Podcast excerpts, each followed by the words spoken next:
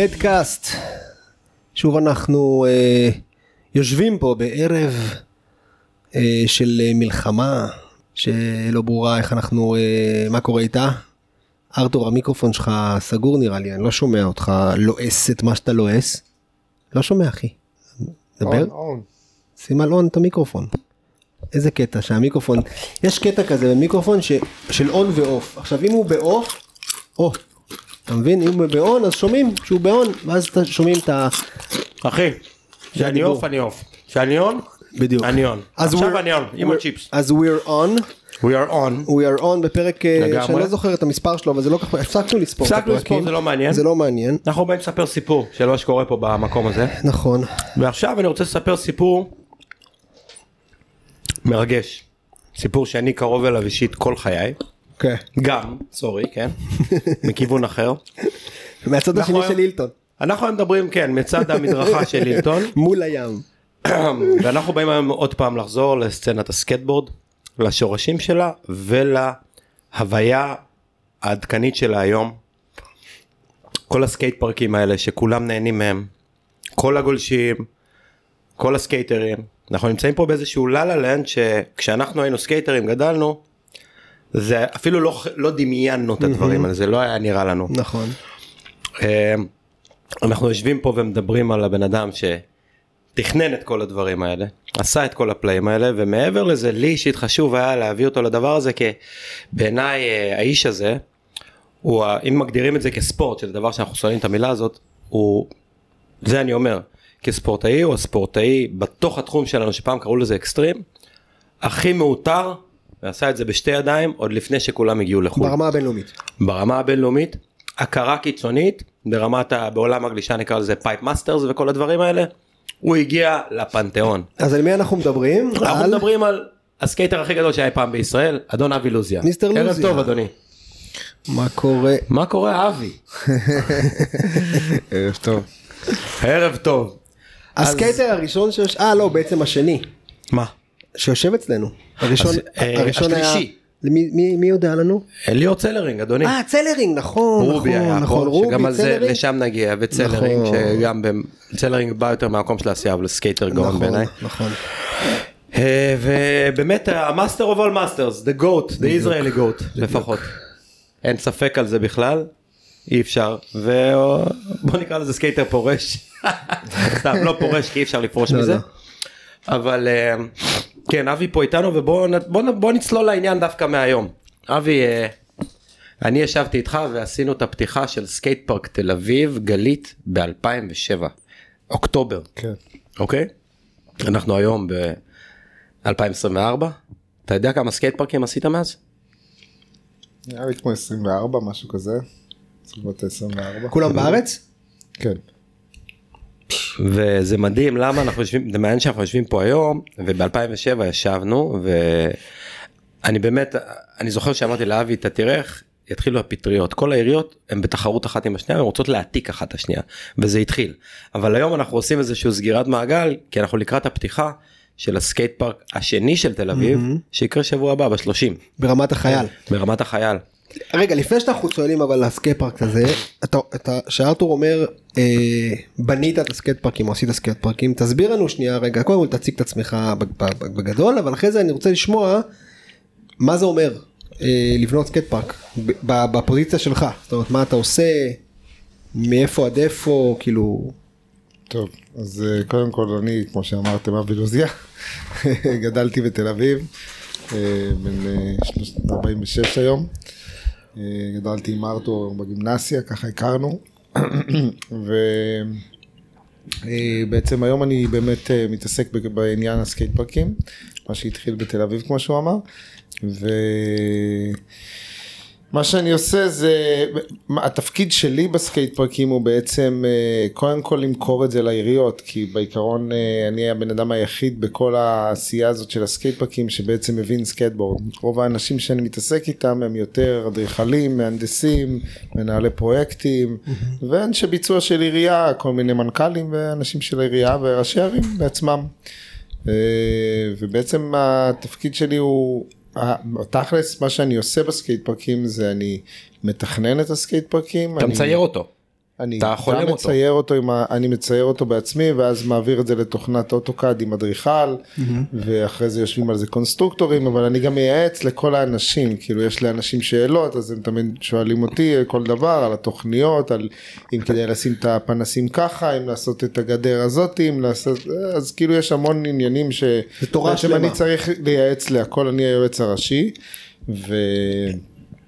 ואז יש את הביצוע שאני הרבה פעמים מקשר את העיריות, את הקבלנים עם חברות מחו"ל, שזה את האמת משהו שיצרתי, זה סיפור דווקא מעניין, אבל אולי עוד מעט נגיע אליו, אה, איך בעצם, בעצם נוצר הקשר הזה עם כל החברות האלה בחו"ל, mm-hmm. אבל אני גרתי המון שנים, כמו שאתם יודעים, בארצות הברית ובקליפורניה, והתעסקתי בספורט הזה שם בהמון שנים, ועם השנים הכרתי חבר'ה מהתעשייה. ואולי אני כן אספר את זה בעצם. ספר, זה המקום. ב-2007 שבנינו את גלית, אז היה איזה קבלן כזה שלא עשה אף פעם סקייט פארקים, שהוא עובד בעיריית תל אביב, עבד עם עיריית תל אביב, והוא ניגש לפרויקט הזה, ו... גלית. כן, ולא היה לו מושג, וגם לי אפילו, איך אנחנו הולכים לבנות את הפארק הזה. והיה כזה כל מיני קשרים, אתה יודע, לנסות להבין איך מביאים אנשים שיבנו, תכננו כבר את הפארק במשך כמה חודשים, חצי שנה, משהו כזה, ואז כאילו לא היה מושג בעצם מי יבנה את זה, חשב, אני אפילו לא היה לי מושג איך זה עובד, ואמרתי, טוב, הם בטח עירייה, הם ימצאו את האנשים, וזה. באת בתור סקייטר שאומר וואלה אה, אה, זה הצעצוע שאני רוצה פה אין לי מושג איך אני הולך לבנות אותו אבל זה הצעצוע שאני כן, רוצה. כאילו אני חשבתי שאתה יודע, זה יגיעו כן. פשוט לאיזה קבלן. ואז ש... שניגשנו למכרז, היה איזה קבלן שהגיע תל אביבי, שעובד בתל אביב, שעושה גנים ודברים כאלה שאין לו מושג בסקייט פארקים, אבל הוא היה בחור מאוד נחמד. והוא ככה, אני התחלתי להבין שאני צריך לחפש קשרים, ואז התחלתי להתקשר לכל מיני אנשים בארצות הברית, והיה איזה בחור אה, מזיכרון שקוראים לו אילן פיירברג, והוא הוא אמריקאי במקור שלו, הוא גר בישראל. אז הוא גם שלח לכל מיני, פעם היה פורומים וכל מיני דברים כאלה באינטרנט, כן. אז הוא כתב בפורומים של בנאים של סקייט פארקים. איכשהו הגיע לפה איזה בנאי אחד, אמר שהוא לא יכול לבוא לעבוד, ואז בעצם מי שהתחיל לבנות את הפארק, זה היה איזה בחור אה, בשם טים אלטיק, שהוא בכלל היה מחליק roller skate ב-70's, כאילו סקייטים. יש סקייטים כאלה שהיו נוסעים איתם על האף פייפים כן. וכל מיני כאלה. אז הוא היה איזה weirdo כזה שהגיע פתאום לארץ. והוא, והוא פשוט בנ... התחיל לבנות את הסקייט פארק לבד. אה, והוא הגיע לאיזשהו שלב של כל הבריכות, של כל הקווטרים מה שנקרא, כל ה transition, שזה הרמפות העגולות בעצם. והוא אמר שזה שלב מסובך שהוא לא יכול לעשות את הדבר הזה כאילו לבד, הוא צריך צוות.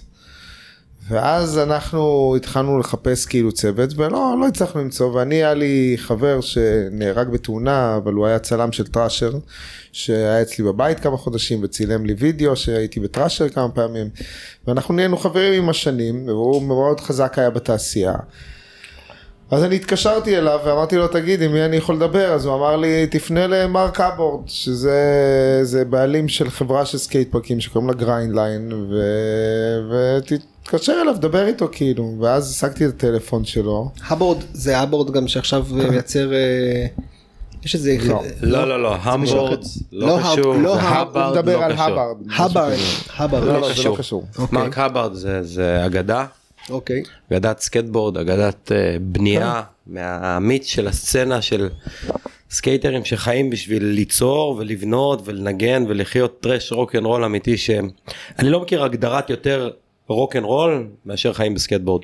כל האנשים שהוא ציין הוא גם אמר הוא אומר Thrasher באופן טבעי כי לי ולא זה דבר טבעי על מגזין. Thrasher זה האורים והתומים של הסקייטבורד ב-40-50 שנים, 40-50 שנה, ב-40 שנים האחרונות, אוקיי? וזה סוג של מגזין שמתעד את הענף ברחוב בעיקר, תחרויות לא מעניינות. יש, הת- התואר הכי גדול בעולם הסקייטבורד זה Thrasher Skater of the Year. כן, זה הכי אנדרגראונד שיכול תחרויות להיות. לרוב הן לא מעניינות, היום זה עולם מקצועני אז כן יש הרבה כסף וכאלה אבל פעם היו כמה תחרויות מגדירות בעולם שכל הסקייטרים נוסעים כי הם קיבלו איזה, הם, התחרויות האלה היו כמו קונצרט. יש את התחרות, יש רוקנרול אחרי זה, הופעות, טירוף וכל הסקייטרים אהבו לבוא ונתנו את הכבוד לתחרויות האלה. אה, מונסטר בגרמניה זו תחרות מסורתית שנים שהיא כבר לא כל כך קיימת וטמפה, טמפה Am וטמפה Pro זה התחרות הכי נחשבת בעולם היום עדיין מסורתית. קשה להשוות את זה לעולם הגלישה אבל נגיד כאילו ה Pipeline Master אתה יודע כן. Master זה כאילו תחרות שהיא חלק מהסבב אבל היא ה Pipeline Masters אז טמפה זה כאילו אם אתה נוסע לשם והצלחת אתה העולם שלך זה ובמקרה אז סתם אני קופץ ככה אנחנו נגלוש לכל מיני קונות כי קשה עם הכרונולוגיה באמת אבי 46 אבל הרצף שלו הוא מטורף כן. באמת אני אגיד יש הרבה טייטלים והרבה דברים אבל נגיד אבי בזמן שהוא היה בארצות הברית הוא הגיע למקום של אה, מקצוענות מאוד מהר ניצח תחרויות חובבניות מאוד מהר מדבר על תחילת הסוף ה nineties כן, אתה מדייק אותי נכון? 99 נסעתי. 99 כן ישר אחרי הצבא הוא סיים ברח מפה וממש קנה את העולם שלו מאוד מהר. אה, הכרה מהירה תחרויות אה, זה והבום הגדול היה שאבי נסע לטמפה אמצ'ו וזכה שם מקום שני ב best Pro. trick. אה, בטמפה Pro סליחה טמפה טמפה Pro. זכה שם מקום שני ב best trick זה לא מצחיק. וזה בעוד תקופה כאילו אי אפשר לדעת על זה רק אנחנו יודעים על זה אתה יודע אם נגיד היום כזה דבר קורה זה רעידת אדמה. כן. אתה מבין היום סקייטרים נגיד יש אה, סתם אני אגיד ים בכר שאבי במקרה אימן אז אתה יודע הוא נוסע לכל התחרות וכל דבר ואין פה לא מזלזל או משהו אבל לה- ההישג הזה כאילו אני לא יודע איזה מקבילות בכלל יש לזה זה באמת. וגם אבי הגיע ל... אה, גם אה, ב best trick עם ה nose blunt slide הזה במונסטר מקום שני. גם מקום שני שזה שלישי, סליחה. זהו. גם בתחילת האלפיים זה דברים זה זה פסיכים ועוד מלא תחרות קטנות ומלא עם כל הטייטלים האלה אני אומר בעולם הסקייטבורד עכשיו אנחנו זה לא מעניין בסדר הרחוב מה שהעסקת נכנסת למגזין הוידאו פארטים שלך מה שהעזת לעשות ככה אתה מקבל את ההערכה שלך וככה מוצאים אותך. אז תחשוב בעולם של 25 שנה אחורה לא מאמין לא מאמין שאני אומר את זה 25 שנה אחורה כאילו אבי עשה את הדברים האלה לבד כן. בלי שום תמיכה בקליפורניה כלומר מה זה לבד אתה יודע. התחיל לצבור תוצאה ואז אנשים כאילו מהסצנה לקחו ועזרו וזה אבל זה ממש לבד הלך עזב הכל אני מסמיק. ארז הכל. מסמיק. סתם. סתם היה חשוב לי הוא אמר טרשר וכל הדברים האלה ככה בזה כן, כי זה כן, העולם שלנו. חייב, אבל- ברור ש... אז כל האנשים האלה גם ויצא גם לארח פה גם את העורך של טרשר פעמיים וגם יש פה סיפור איזה טריאנגולציה מעניינת בין שלושת האנשים האלה מרק הבורד ופרסטון מייגטר הצלם הזה של טרשר וג'ייק. פלפס. שלושת האנשים האלה מתו תוך שנתיים כן. והם היו חברים ממש אה, חברים מייסדים בסצנה כאלה אתה יודע הם ותיקים הם כבר היו בני 50 תוך שנתיים הם מתו? כל כולם השלושה מתו האלה? בתאונות. אה, אה, פרסטון מת בתאונה, מרק מת בתאונה, לא. נראה לי ממשהו לא טוב. כן. טוב זה העולם הזה אתה יודע. חיים on the edge כל כן. הזמן. טוב, על הקצה בוא- בוא כל הזמן. נחזור סתם למיסטר זה אבו. אנקדוטות כאלה של עולם סקייטבורד שחשוב לספר איפה, כאילו לאיזה מקומות ולאיזה רמת קשרים אבי הגיע והוא הביא לפה את הבונים האלה שזה master builders כאילו אתה מבין? זה לא איזה קיצור בוא נעשה חבר'ה גמורים. סליחה אבי חבר'ה גמורים אבל הוא הביא לפה master builders וזה הסקייט פארק לא, הראשון. אבל האמת היא שזה הסיפור על איך הם הגיעו זה הוא סיפור מצחיק קצת כי מה שקרה זה היה כזה איזה מין טעות אז אנחנו אילן הבחור הזה מזיכרון הוא תקשר עם כל מיני חבר'ה והגיע לפה איזה בחור צעיר מין אה, קריסטיאן אמריקאי כזה בן איזה 21 שהוא היה לו כזה attitude של ארטקור אני rock and roll וזה והוא כאילו בא לבנות את הפארק ואני מגיע לסקייט פארק ביום הראשון שהוא הגיע. ואז אני, אני רואה את הבחור ש... שעבד, טים אלטיק, אותו בחור עם ה roller skate שבנה את השליש הראשון של גלית. כן. הוא אומר לי תקשיב הוא לא רוצה לדבר איתי הוא לא רוצה לעבוד איתי הוא לא מוכן כלום. כאילו ואני רואה אותם בשתי צדדים שונים אני לא מבין מה העניין כאילו מה הוא בא לעבוד איתנו? כאילו מה הוא עושה לנו פה פוזות אז ניגשתי אליו אמרתי לו מה מה הסיפור? אז הוא אומר לי תשמע זה הפארק הכי חרא שראיתי, מה זה התכנון המזעזע הזה? איזה כיף. ואני לא מתכוון לעבוד עם הבן אדם הזה, אני מ Grindline, זה החברה הכי ארדקור באמריקה, אני לא הולך לעבוד עם החנון הזה, משהו כזה וזה, אני כאילו הייתי קצת בהלם, עכשיו אני מסתכל עליו, אני רואה בחור, הוא old school כזה, הוא לא נראה לי סקייטר רציני כאילו כן. וזה. אמרתי, תקשיב, אתה אומר לי שהסקייט פארק גרוע באמת כאילו? אמרתי אני חייב להבין כמה הוא מבין בסקייטבורד כאילו וזה, אמרתי טוב, עזוב את העבודה. בוא נלך לסקייט פארק של רובי, היה סקייט פארק בספורטק כן. וזה. בוא נלך ניסע סקייט, יש לך פה סקייט? אז הוא אומר לי כן בטח. הלכנו לחדר שלו בדירה בן שהייתה כמה הוא להם. היה הבחור? 20, 21. אוקיי. ואז כאילו... בחור בן 21 בא כאילו לבנות סקייט לבנות. עכשיו הוא, היה, הוא רק התחיל לעבוד שם, לא יודע איך הוא הגיע לזה שהוא בא לפה כאילו וזה. אוקיי. ואז אה, הגענו ל, ל, ל, ל, לדירה שלו, אני רואה את הסקייט שלו, אני כבר הבנתי שהוא לא סקייטר טוב.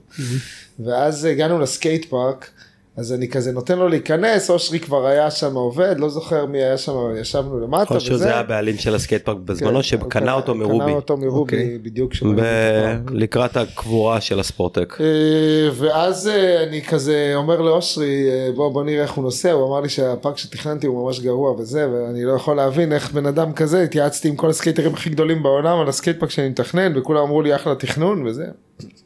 ואני חייב להבין מה הקטע כאילו וזה. ואז אני רואה שהוא לא יודע לנסוע כאילו לא מחליק כזה טוב וזה. אז אמרתי לאושרי אושרי תראה תראה.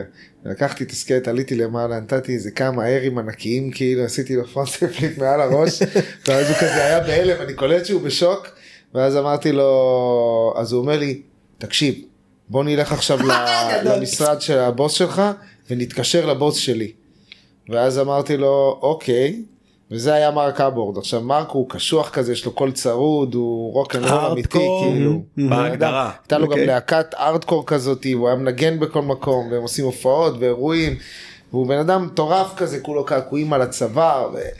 בקיצור, אז אני, הוא עונה לטלפון, הלו, what's up, כאילו, וזה, ואז אה, הבחור הזה אומר לו, תקשיב, יש פה איזה בחור, עשה לי front flip מעל הראש, אתה לא מבין, כאילו, הבן אדם תותח וזה, זה, אתה חייב לדבר איתו.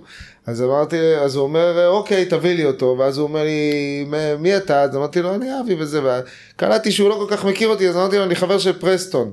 אז הוא אומר לי, או, אתה חבר של פרסטון? תן לי כמה דקות, אני חוזר אליך. הוא מתקשר לפרסטון, כנראה מדבר איתו וזה, ואז אחרי איזה עשר דקות הוא מתקשר חזרה למשרד, הוא אומר לי, אבי, line is coming to Israel. גדול. אמרתי לו, אמרתי לו, אוקיי, למה? הוא אומר לי, דיברתי עם פרסטון, הוא חבר וזה, הוא אמר שאתה אחלה, אני בא כאילו לבנות לכם את הפארק. ואז הם הגיעו לפה צוות של חבורת משוגעים. אני מת על זה. כאילו הוא שלח בהתחלה את החייל הכי זוטר שלו הולך, תעשה להם שם איזה. כמה שיפועים, כן. וברגע שהוא הבין שיש לבדוק מה לו... הולך כאילו. כן. זה גדול. ואז הם פשוט באו לפה צוות שזה היה צוות מהאגדות. והם באמת בנו... גם skater מקצוען לשעבר בשם צ'אד ווגד כאילו ומה שקרה אז כאילו זה מעבר לזה היה איזה בונד מטורף אמיתי בין אנשים גם אתה יודע כבר לא היינו ילדים היינו לקראת השלושים אבי קצת אחרי. ועברנו איתם יום ולילה כאילו של טרלול כאילו אתה יודע אנחנו היינו בגיל ובמקום הזה שאתה כאילו אתה. בהרפתקה שלא נגמרת כן, כאילו ברור. היה פה איזה שלושה חודשים של- סשנים יציאות הכי קשות שיכולות להיות כאילו אין הפסקה אתה בלופ שלא נגמר. וואי, אתה יודע במה אני נזכר? שהיה לכם ערב של גולשים, היה ערב כזה nice כזה, שכמו אתה לא תמיד. אתה לא זוכר שהם נתנו מכות לסולן של NOFX לא, אני לא היה יודע. עם זה אחי NOFX הופיעו אז ושמעתי שהסולן שלהם קיבל מכות מצ'אד או משהו שהיה שיכור כאילו אתה מבין פה כאילו בארץ? לא. כן פה אחי פה אז אני לא, אני רק זוכר משנה. ש... שהם כאילו, אה, הם- היינו באיזה מסיבת גלישה כזאת, אבל משהו כזה nice, כאילו כן. שכולם כזה, מסיבת אה, כזה, קוקטייל מגניב. כזה vibe, כאילו כולם עושים כזה, אה, what's up וזה. וזה, אתה זוכר את זה? לא. ואתה אתה היית קשור לאירוע הזה, וזה היה אירוע גדול, היו מלא כל הגולשים המבוגרים, כל החבר'ה של ישראל וזה. ופתאום אחד מהם החליט שהוא לוקח את המיקרופון, והוא מתחיל להגיד להם, אתם fucking יודעים מי נמצא פה כאילו, עליי כאילו, אני כזה מובך, והוא מתחיל להגיד להם, הוא הולך לבנות לכם את הפארק המטורף וזה, גדול. ופה איתנו, והוא הביא אותנו וזה וזה. קיצור, הוא הביך אותי שם מול כולם, זה היה גלית, מצחיק. זה- גלית היה- יפה? רגע, שנייה, גלית זה הסקייט פארק הראשון שנבנה לפי כאילו סטנדרטים הסקייט פארק בינלאומיים? הראשון מבטון, כן. שהוא אמיתי בישראל, היה סקייט פארק בגן סאקר, אבל זה היה איזה מין ניסוי של איזה אדריכלית, שזה לא באמת היה סקייט פארק, זה היה כיף. אנחנו אהבנו את גן סאקר, אבל זה לא היה, אי אפשר להגדיר את זה כסקייט פארק מקצועי, אמיתי ומשהו רציני. אבל הוא סקייט פארק. שאפשר להתייחס אליו ברצינות, כאילו. אני רוצה להגיד זה משהו, משהו יותר fun. אני רוצה להגיד משהו זה על אני רוצה להיכנס לעניין רוצה הזה להגיד קצת משהו יותר על לעומק אבי ברמה בקטע הטכנית. הזה שהוא בהמשך הזמן, כן? הדבר הזה שנקרא סקייט פארק, עוד שנייה הוא סוגר את המיקרופון והולך, אתה רק. משבח אותו כל הזמן. שילך.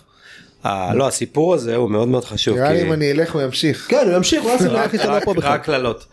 אה, הסיפור הזה של סקייט פארק, אני חושב סקייט פארק זה כמו איזה ריבוע עם כל מיני רמפות עליות וירידות, אבל זו אומנות. ואין שום סקייט פארק בישראל שדומה למשנהו בשום צורה. ממש ככה. וכל פעם אבי ניגש לזה בצורה אחרת ויש פה אה, הדגש נורא אומנותי שונה בכל מקום לספק חוויה בתפיסה אחרת למקום לילדים, למקצוענים, לתחרויות, ל flow, ל surf style, לכל השילובים האלה וכל פעם יש ציור אחר. ממש ככה, אין שום סקייט פארק שדומה למשנהו אז, בישראל. אז זה בדיוק מחבר אותי לשאלה הזאת, מה בעצם הופך, כאילו מה הדגשים שאתה כאילו מגיע איתם, כשאתה ניגש לתכנן סקייט פארק, מה, הזווית של השיפועים, לא, המגוון יש- של הרמפות, כאילו, קודם כל אה, זוויות זה משהו שגם לפעמים קצת חוזר על עצמו למרות שאתה משנה בין, בין מתקן למתקן אבל אה, דגשים אין ממש דגשים. בעיקרון אה, אתה יודע כשאתה בונה סקייט פארק אז אתה קודם כל מסתכל בעולם איזה דברים יש מה יכול להיות מעניין אתה מסתכל על דברים ברחוב אני כל היום כאילו חוקר איך אני מוצא את המוצר הבא את החומר הבא שאני יכול להשתמש פה מנסה להביא דברים שהם ממש אני רואה בסרטים של סקייט הרי סרטים של סקייט הם רובם ברחוב. כן. ואתה רואה כל מיני דברים שאדריכלים בנו וזה ואתה יכול מתוך זה להביא מחשבה להביא את זה לתוך הסקייט פארק זה לאו דווקא להעתיק אלא בעצם לקחת רעיון לעשות זאת אומרת, אותו להביא את בצורה ה street אחרת. בעצם לסביבה, זה בקטע של. ה street ובריכות זה יותר עניין של כאילו זה לקח לי זמן עד שהבנתי איך הדברים עובדים גם אתה מחליק על כל הבריכות האלה כן. אתה לומד מה זה מסתכל גם בחו"ל ואתה מנסה להביא גם בעצם איזה משהו שלך לא בעצם להעתיק משהו כי זה קצת משעמם. ועדיין שיהיה טוב זאת אומרת כן. המתקן צריך להיות טוב אז אני ואני מנסה הרבה פעמים אתה יודע היה לי סקייט פארקים שהחלטתי שאני מתכנן את זה יותר סופר מקצועי וגדול ומסיבי ויש פארקים שאני דווקא הולך על היותר כזה ממש פשוט בכל פארק אני מנסה לשלב גם אם יש בו ממש הוא מסיבי אז גם שיהיה בו אזורים של דברים של יותר מתחילים ו... העירייה נותנת לך הנחיות, פה אנחנו רוצים משהו לא. לילדים, פה אנחנו רוצים פרוז, פה אנחנו רוצים, לא בדרך כלל אין להם מושג, כאילו, מושג. אין להם מושג מה זה, זה, זה האחריות שלי, אבל אני בתור סקייטר שגדל והיה מה שנקרא סקייטר all around, יש כאלה שמתעסקים רק בסטריט או רק בזה, הייתי, התמקדתי בסטריט. אבל הייתי נוסע הכל, סקייט פארקים סטריט, ואף פעם בתור ילד הייתי נוסע על הוורט בספורטק. עם רובי וכל המבוגרים אז אז כאילו אז אז היה לי כזה איזשהו ידע בכל התחומים וברגע שהתחלתי לתכנן את הסקייט פארקים אז היה לי קל בעצם לתכנן גם את הבריכות גם את הסטריט ולא ידעתי רק משהו אחד כאילו יש אני אפילו מדבר עם חברות שיש להם מתכנן לסטריט ומתכנן לבריכות. אז אצלי אני יודע איך עושה את הכל. אה, אני מתייעץ עם החבר'ה שאני בונה אני כל הזמן מנסה ללמוד עוד דברים ואתה יודע להביא עוד איזשהו מתקן. התכנון והעיצוב, אתה יודע, זה, זה לא בא סתם, אתה יודע, לדמיין ולתכנן ולשבת, אבל גם בא, כאילו, אמרנו שנקפוץ פה, אתה יודע, ל- לאורך ולרוחב של ההיסטוריה הזאת, אז בעצם אבי, כשהוא, מרבית השנים הראשונות שלו, אתה יודע, היה את הרגע במרינה פה, שהייתה רגע, ואז רגע בסינרמה, ספורטק שהיה בית שלנו המון המון שנים. אבי בגיל מאוד צעיר הגיח לסצנה ואתה יודע הוא באמת היה סוג של סלייטר כזה שאי אפשר להתחרות איתו והוא מרסק את התחרויות אבל זה גם היה הבית שלו והוא היה צמוד לרובי. ורובי כל הזמן היה מסובב את הסקייט פארק ואבי היה צמוד אליו בקטע של הבנייה אז כאילו כילד מאוד מאוד צעיר הוא, הוא למד את מלאכת הבנייה והתעסקות הזאת עם, ה, עם הרמפה והעצים ו, ו, וכל השינוי אותו תוואי כאילו אותו ריבוע של הספורטק שינו את זה כל חצי שנה כאילו. כן היינו משנים הרבה אני באמת הייתי עובד בהתחלה הייתי עובד אצל רובי סתם בתור אה, עובד במתקן כאילו ולאט לאט הוא קלט שיש לו איזה סוס עבודה שאפשר להעביד אותו, סתם זה בצחוק, אה, באמת עבדנו בנינו הרבה רמפות ביחד ורובי יאמר לזכותו הוא היה כל הזמן משנה את המתקן, הוא היה מאוד כאילו מסתכל גם בחו"ל מה קורה וכל פעם בא איזה עם איזה רעיון חדש והיינו בונים פשוט משנים את כל הפארק. ובאיזשהו שלב כבר אני הייתי יודע לעשות את הכל לבד ולמדתי ממנו המון בעניין הזה. זה היה אחד הדברים שבאמת שכשחזרתי לארץ ורציתי לתכנן סקייט פארק אז היה לי כבר ידע בבנייה ובזוויות ובדברים. למדתי עוד המון אחר כך כאילו דברים שלא ידעתי וגם דברים שרציתי לשנות שחשבתי שלא היו טובים בעבר. ו... אני מניח שזה גם כן איזשהו אספקט שאתה לוקח בחשבון שאתה בונה סקייט פארק מבטון אז אתה אומר אני צריך שהמקום הזה יישאר כאילו דינמי ומעניין לאורך זמן זה לא כמו סקייט פארק שאתה אתה- יכול להזיז. וגם אתה בונה את זה פעם אחת זה כן. לא, אתה לא יכול לשנות את זה. בדיוק, זה כאילו- זה one time אז גם את זה אתה זה חייב לוקח. לצאת מושלם כן. כאילו. אז אה, אה, כן, ברמת העיקרון, אתה יודע, הרבה פעמים הייתי בסקייט פארקים בארצות הברית, עם ארתור אפילו וכאלה, כשגרתי שם, ואתה מגיע לסקייט פארקים ופתאום אתה קולט שיש מלא פאקים בתכנון. וואלה. ממש. וזה על הפנים כאילו. ומלא סקייט פארקים גרועים כאילו. מה- מה זה פאק בתכנון? תן לי דוגמה נגיד לפאק בתכנון כזה. זוויות שאתה- לא נכונות, אה, גושים. מתקן גבוה מדי, במה נמוכה מדי, גבוהה מדי, בזווית לא טובה. גושים ברצפה, רצפה לא אה, חלקה, כן. ישרה, רצפות כאילו. לא ישרות, מלא באמפים, כאילו, כל ה-West, אה, לא זוכר את כל הסנטי, כל אלה. סנטי.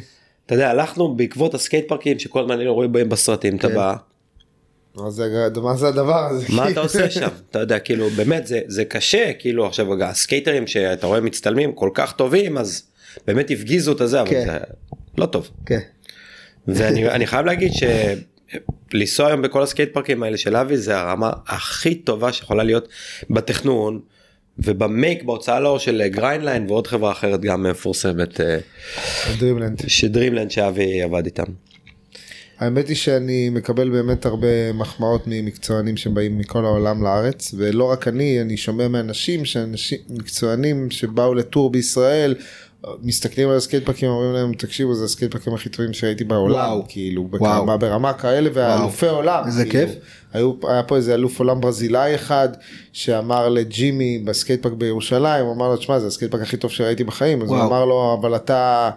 אתה גר ב-LA, אתה נוסע בבריקס, שזה אחד המקומות כן. המפורסמים של הסקייט, כן. אז הוא אומר לו, תקשיב, זה יותר טוב, אז הוא כאילו היה קצת בהלם, אז הוא התקשר אליי ישר להגיד לי, תקשיב, אתה לא מבין כאילו מה הוא אמר, זה, זה כאילו מטורף. כן. אז אה, זה קורה, זה קרה אנקדוטה כבר כמה מעניינת וכמה פה. בסיטואציה הזאת בין השוואה בין עולם הסקטבורד לעולם הגלישה בעולם הסקטבורד התארחו פה. גם בגלישה הגיעו לפה הרבה אנשים כן אבל בהשוואה כמות הסקייטרים עם השם שהגיעו לישראל ישראל היא סוג של מכה של סקייטבורד. לא מעיפים אותך מספוטים. שוטרים לא מתעסקים איתך לרוב אתה יודע ארצות הברית אתה כמעט לא יכול לעשות בשום כן. מקום גם באירופה. זה כבר לאט, משתנה היום. כן. היום נראה לי הם מקבלים את זה קצת יותר טוב, אתה כן, רואה אבל- שוטרים וזה, יש אווירה, זה כבר בכל זאת השתנה. אבל הייתה לנו תקופה איפשהו מהיום הזה שכאילו הגיע סקייטר אחד בשם קני ריד. שאני חייב להגיד שהוא חרא גדול אוהב מוסלמים ואני מבואס עליו רצח אני אומר את זה פגשתי פה אותו עכשיו ביפן. אפס. אה, חבל שלא אמרת לו את זה מני. אני לא אהבתי אותו אף פעם. לא משנה. תמיד ידעת את אה, זה. הגיע והוא התאהב נורא בישראל אירחנו אותו פה כמו מלך כמו שמארחים אותו והוא התחיל להביא אנשים ועוד אנשים וקשר של אבי עם טרשר והתחילו נותר באז על ישראל ובאמת אה, היה פה ועדיין יש באים לפה. פשוט צצים פה גם סקייטרים פתאום גם בלי להודיע כאילו זה הפך לקטע של טור כאילו חלק ישראל יש פה סצנה יודעים לאן לבוא מכירים את החבר'ה אבי הוא שם עולמי יש כבר סקייטרים צעירים שהם גם שם מכירים את הסצנה בישראל. זה דבר מאוד מעניין שישראל היא ממש חלק אתה יודע עם הגלישה בארץ קשה אנחנו לא יכולים להיות חלק מהסיבוב של אנשים כן. באים במיוחד נכון. סקייטבורד זה הסצנה הישראלית והסקייטרים שהיום יש סקייטרים שהם מאוד מוכרים בעולם. ו... ויש את ההיסטוריה הזאת שהיא קצת התלושה אתה מבין אבי הוא איזה גליץ' ב-system. כן. באמת אני עוד פעם לא בקטע של אה, מחמאות כי הוא בתקופה מאוד מאוד מוקדמת בא פה איזשהו כישרון שהוא באמת ברמה עולמית והוכיח את עצמו שם. אבל אז הייתה קריסה כזאת כי המרחק בין הרמה וההתקדמות של הרמה שהייתה באלפיים כל מיני סקייטרים כמו, כמו נייג'ה יוסטון היום היום לחבר'ה צעירים לבוא לקבל הכרה בעולם זה כבר זה אחרת. אבי החליק באיזשהו מקום תקופה ברמה מאוד מאוד גבוהה הצליח להדביק את עצמו ולהשתפר להתברג שם בפנתיאון הזה, אתה מבין? בוא נדבר קצת על ההיסטוריה שלך, פשוט באמת איך... לקחת את ארתור אה, שיהיה דובר שלי, שיתחיל לעבוד בשבילי.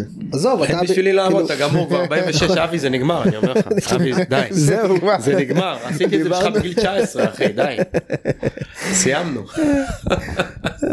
אז בכלל לא תהיה בכושר, אחי, דיברנו קודם על הכושר. אה, רגע, בוא נחזור רגע שנייה קצת אחורה. ל...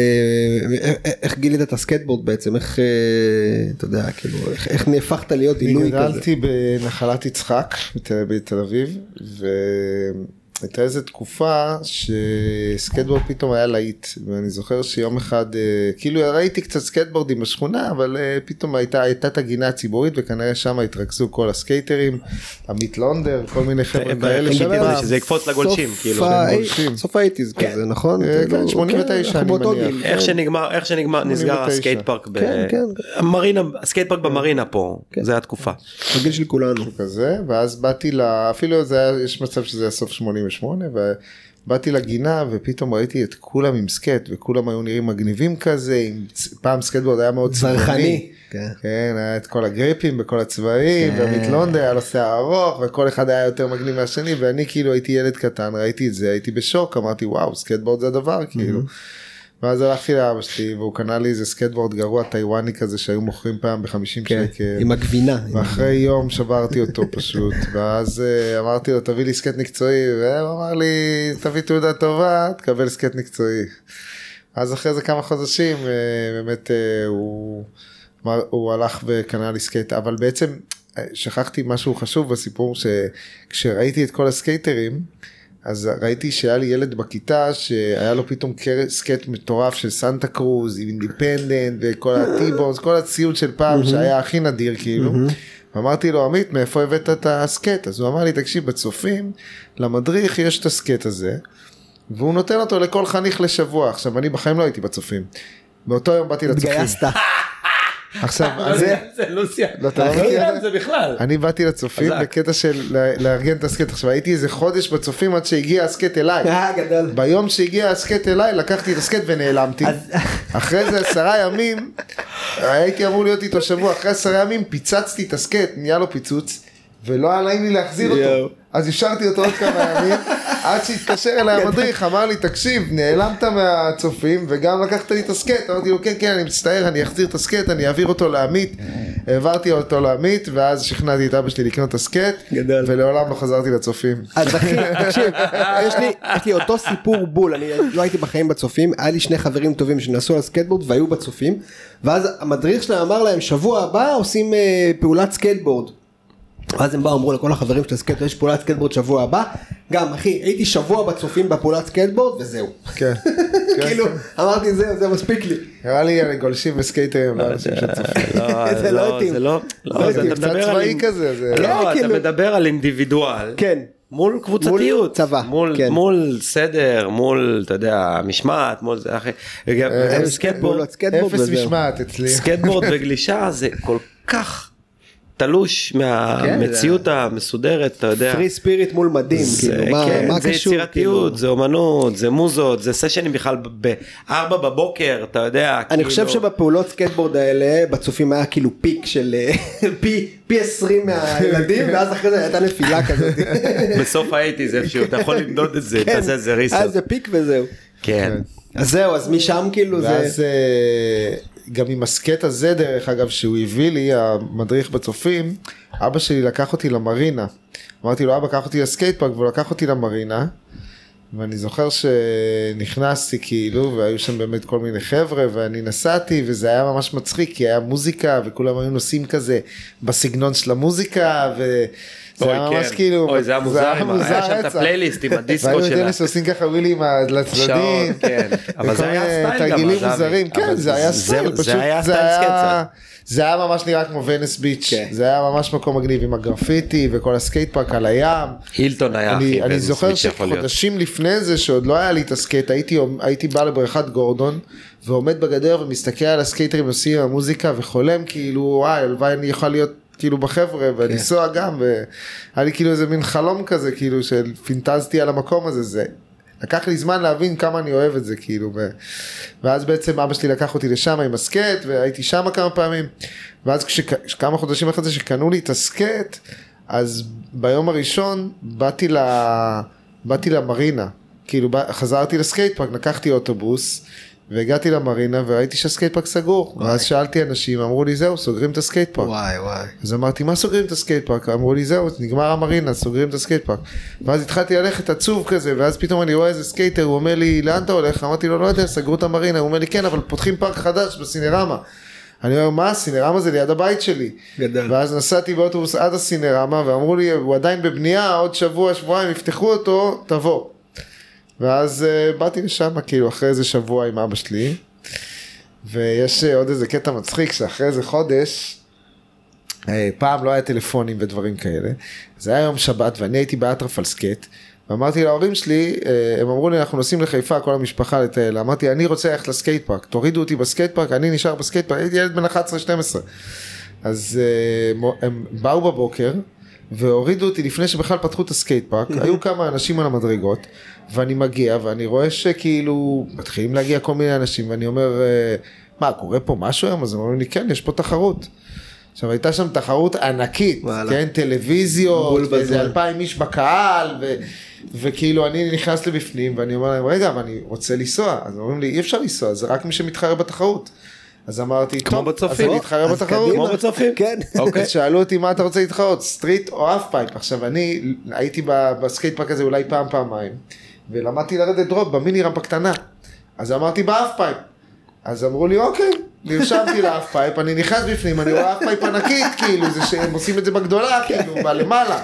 אמרתי יואו, אני אפילו לא יודע לרדת drop, כאילו, ואז אני זוכר שעליתי למעלה, ואני רואה את עמי ואלי מחלב ויוסי שאול וכולם ורובי וכולם עומדים למעלה רציניים כאלה, מגנים וזה, ואני עומד שם ואין לי מושג איך יורדים את הרמפה, כאילו, והם ילד, מסתכלים, מה אתה עושה אחרי פה? איזה כמה דקות הם מסתכלים עליי, הם אומרים לי, כן, מה, תגיד, מה אתה עושה פה? אז אמרתי להם, אני מתחרה בתחרות. אמרו לי, נו השר, אמרתי, אני לא יודע איך נוסעים. אז הם אומרים לי, הם אומרים לי, מה, אתה לא יודע לרדת דרופ? אמרתי, לא. אז הם אמרו, אמרתי להם, אתם יכולים להסביר לי איך? אמרו לי, כן. כאילו, ידעתי איך לרדת בקטנה, אבל בקטנה. בגדולה. אז- כן. אז הם כאילו, עמי, אני זוכר שקצת הסביר לי, ואז אני כאילו, הם עודדו אותי, ואני ירדתי drop. ואז בעצם לא היה לי מושג מה עושים, אז כאילו רק מסתובבתי והסתובבתי, הסתובבתי עד שנגמר לי המהירות, כן. ואז ירדתי למטה ועליתי שוב למעלה מה, מהסולם. ובתחרות זה בעצם מה שעשיתי כל התחרות, ירדתי drop, עשיתי סיבובים, סיבובים, סיבובים, כאילו התחר- היה הכי גרוע בכל התחרות הזאת הייתי, וזה היה מצחיק. אה, זהו, ואז הייתי בא לשם כמה חודשים, עד שגם סגרו את הסינרמה. ואז היה איזה כמה חודשים בלי אף סקייט, נראה לי שאתה תכלס נכנסת סקייט פארקים בילדותך. כן, אה? סגרו את כולם. התחלת בום נגמר התחלת בום נגמר. סגרתי אותם. סוגר כן, פארקים. בדיוק. איך הוא יבנה סקייט פארקים? סקייט כן. פארקים? כן. זהו, ואז רובי כמה חודשים אחרי שהיה את הסינרמה, הסינרמה הייתה איזה חצי שנה אני חושב, ואז סגרו אותה, כי החליפו בעלים של הסינרמה והוא החליט שהוא לא רוצה את הסקייט פארק. הוא העיף להם את הכל החוצה ביום אחד, הוא הביא חבורה של ערבים כאלה בנאים, כן, גירד משם את הכל. הכל וזרק את הכל החוצה, כאילו בלי, בלי, אם היה להם חוזים, לאינטרסרף היו, זה היה שייך לאינטרסרף דרך אגב, כן כן. כן אה, רובי סיפר את הסיפור הזה היה בהיסטוריה. שם איזה תביעה ארוכה, הסיפור הזה וזה, לא, לא, לא זוכר מה נסגר עם זה, אבל uh, רובי פשוט, נראה לי שמה שהיה, בטח רובי סיפר את זה קצת יותר טוב, הוא uh, דיבר עם, uh, עם אינטרסרף וגזוז, ו... ואיכשהו הם כאילו נתנו לו את העצים, פרגנו לו, והוא, או שעזרו לו לפתוח את הסקייט פארק, אני לא, לא, כן, לא יודע כן. בדיוק. בספורטק. בספורטק. כן כן שמעון עזר לו וכן. ו...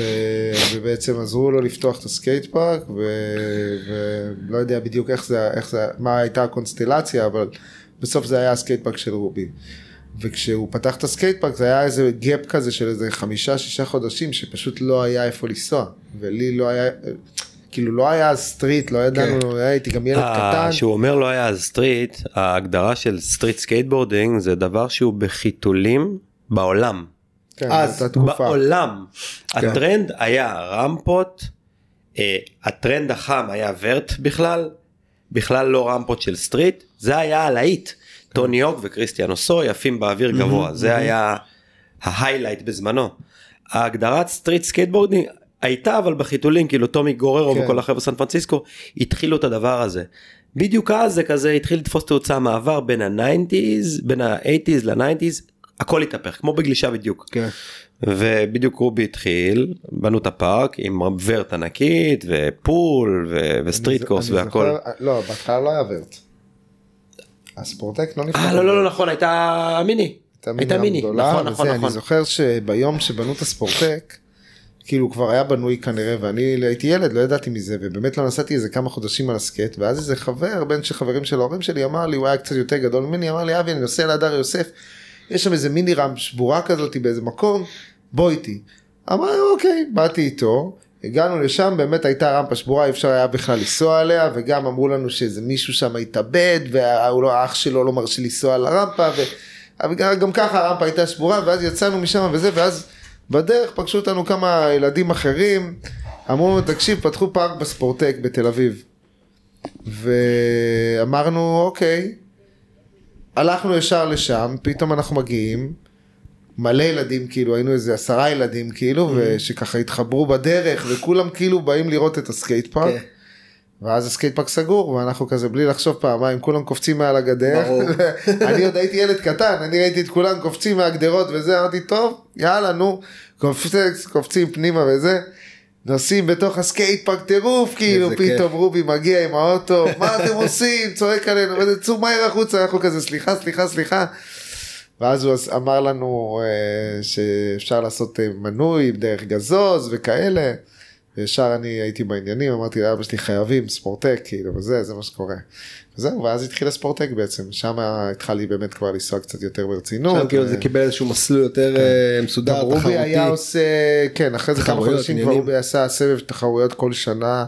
הוא היה מתקתק את זה ברמות, זה היה איזה 4-5 תחרויות בשנה, ובסוף קובעים מי אלוף הארץ, היינו מקבלים מכתבים הביתה עם הניקוד, כאילו ממש, איזה רמה. הוא היה, באמת עשה את זה ברמה גבוהה, יאמר לזכותו, הוא באמת אה, בנה את הספורט הזה בארץ בתחילתו. כאילו. תגיד מה היום קורה בסצנה של הסקטבורד הארגוני כאילו התחרותי. אבי במקרה הוא גם בסיטואציה הזאת גם אה, מאמן אה, נבחרת ישראל. אני גם מרים לו להנחתה. מארגן את כל ה... לא, בכל מה שקורה כי עם הפיכת הענף לאולימפי דבר, דבר דומה למה שקרה בארגון הגלישה אתה יודע תקציבים אה, ממסדיות אתה יודע סבב מסוים היום ארגון הסקייטבורד זה ארגון בפני עצמו שהוא אני- תחת אה, האמת כן, תחת הגלגיליות להסביר. משהו. מה שקרה זה שאני עשיתי את הסקייט פארקים, ואחרי גלית באמת בניתי עוד כמה וכמה סקייט פארקים מדהימים וגדולים ומרשימים מאוד, כמו שאמרתי, מה, ברמות הכי גבוהות בעולם, ו, וקלטתי שיש הרבה סקייטרים, אבל זה לא באמת,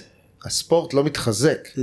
ואז הבנתי שכאילו אין את מה שרובי היה נותן, את כל התחרויות מסגרת. האלה ואת המסגרת הזאת, ובאמת התחרויות גורמות לאנשים כן. לרצות את זה יותר ויותר, וכאילו החלטתי שחייבים לעשות איגוד.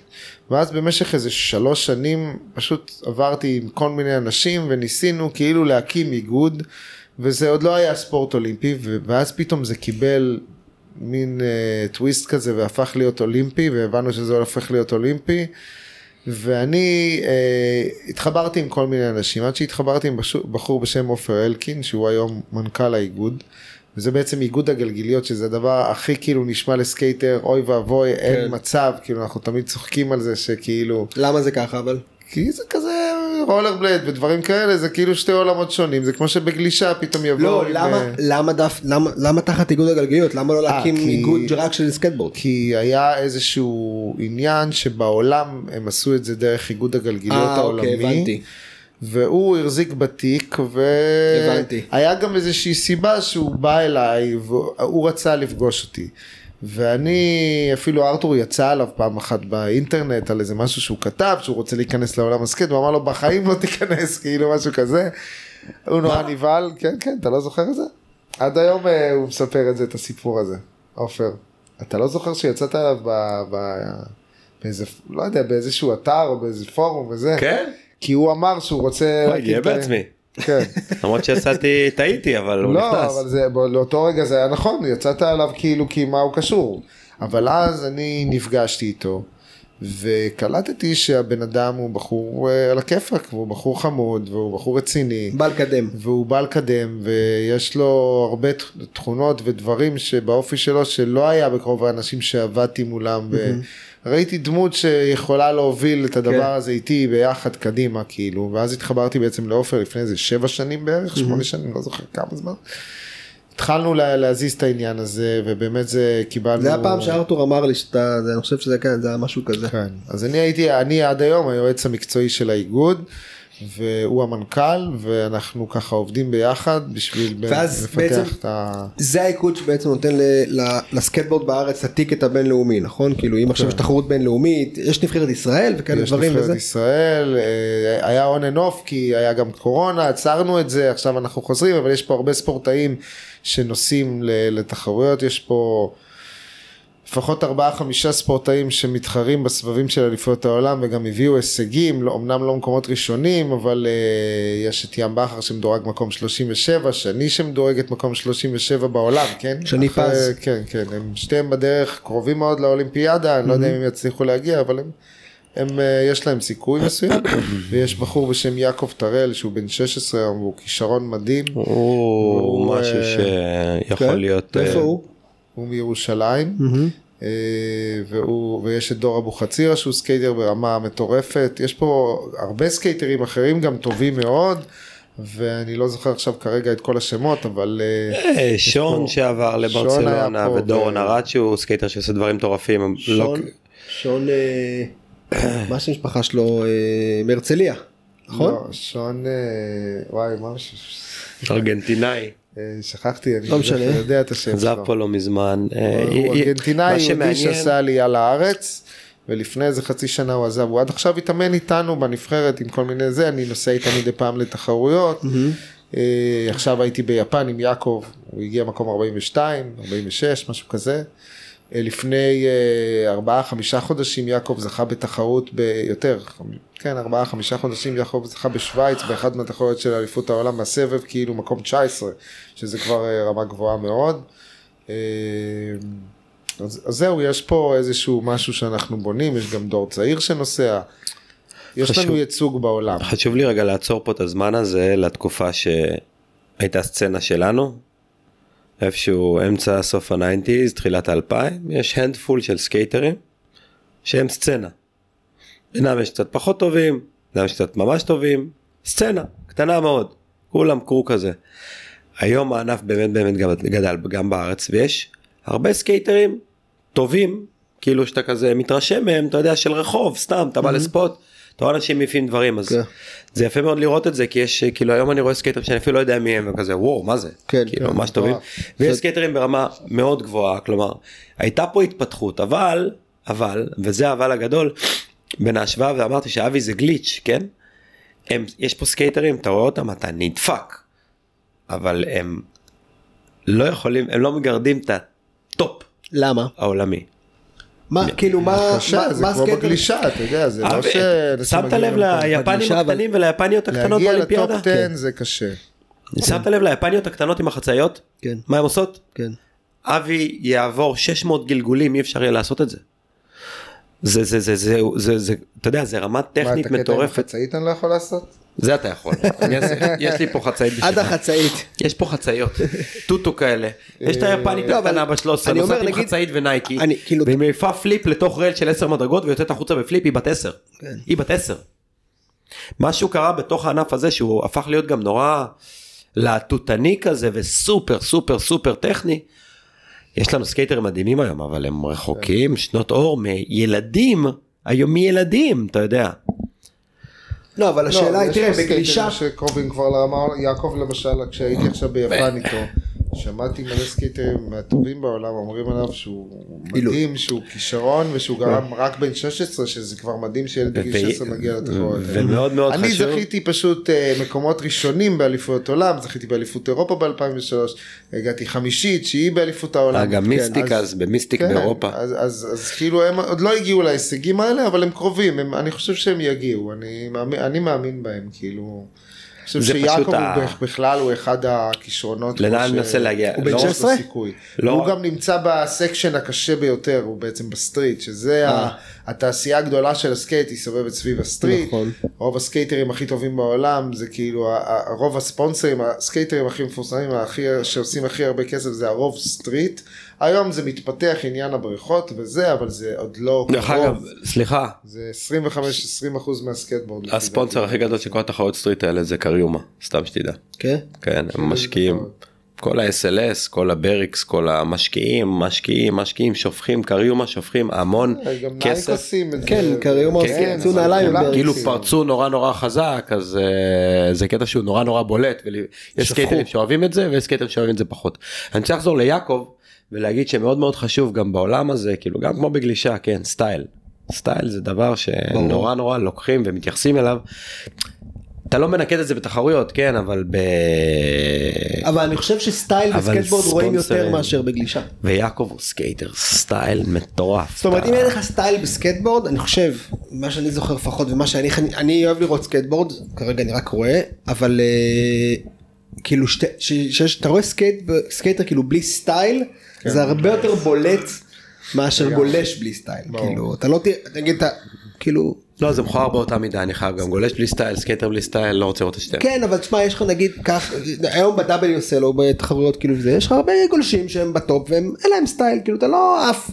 כן. זה הרבה אין את פעמים, הפינס יש את סקייטרים הזה. כאלה, אה, גולשים וסקייטרים, אני מניח שזה אותו דבר. רודיל ודיין. נטו תחרויות כאלה, והם כן, כזה, כן. נכון, אני מניח שגם כן, בגלישה טכניים, יש את זה. בדיוק, אז הם סופר עושים את כל כאלה. התרגילים, אבל הם לא עושים את זה בצורה יפה. בדיוק אין את החן הזה זה בפררה הסיוט, כאלה. הם נורא באותו דבר כמו בגלישה הם משניאים את עצמם על אנשים אתה יודע אתה מה, כאילו זה מוזר אוהבים את איטלו אבל נגיד היו מלא סקייטרים ברזילאים פעם רודיל וגם דיין כאילו שהוא חבר שלנו כן, כן. סקייטרים בלי סטייל שבאו לעבוד בתחרות שולטים בטריקים בצורה בלתי נסבלת מפרקים את ה run אבל עושים הכי טכניים. טוב.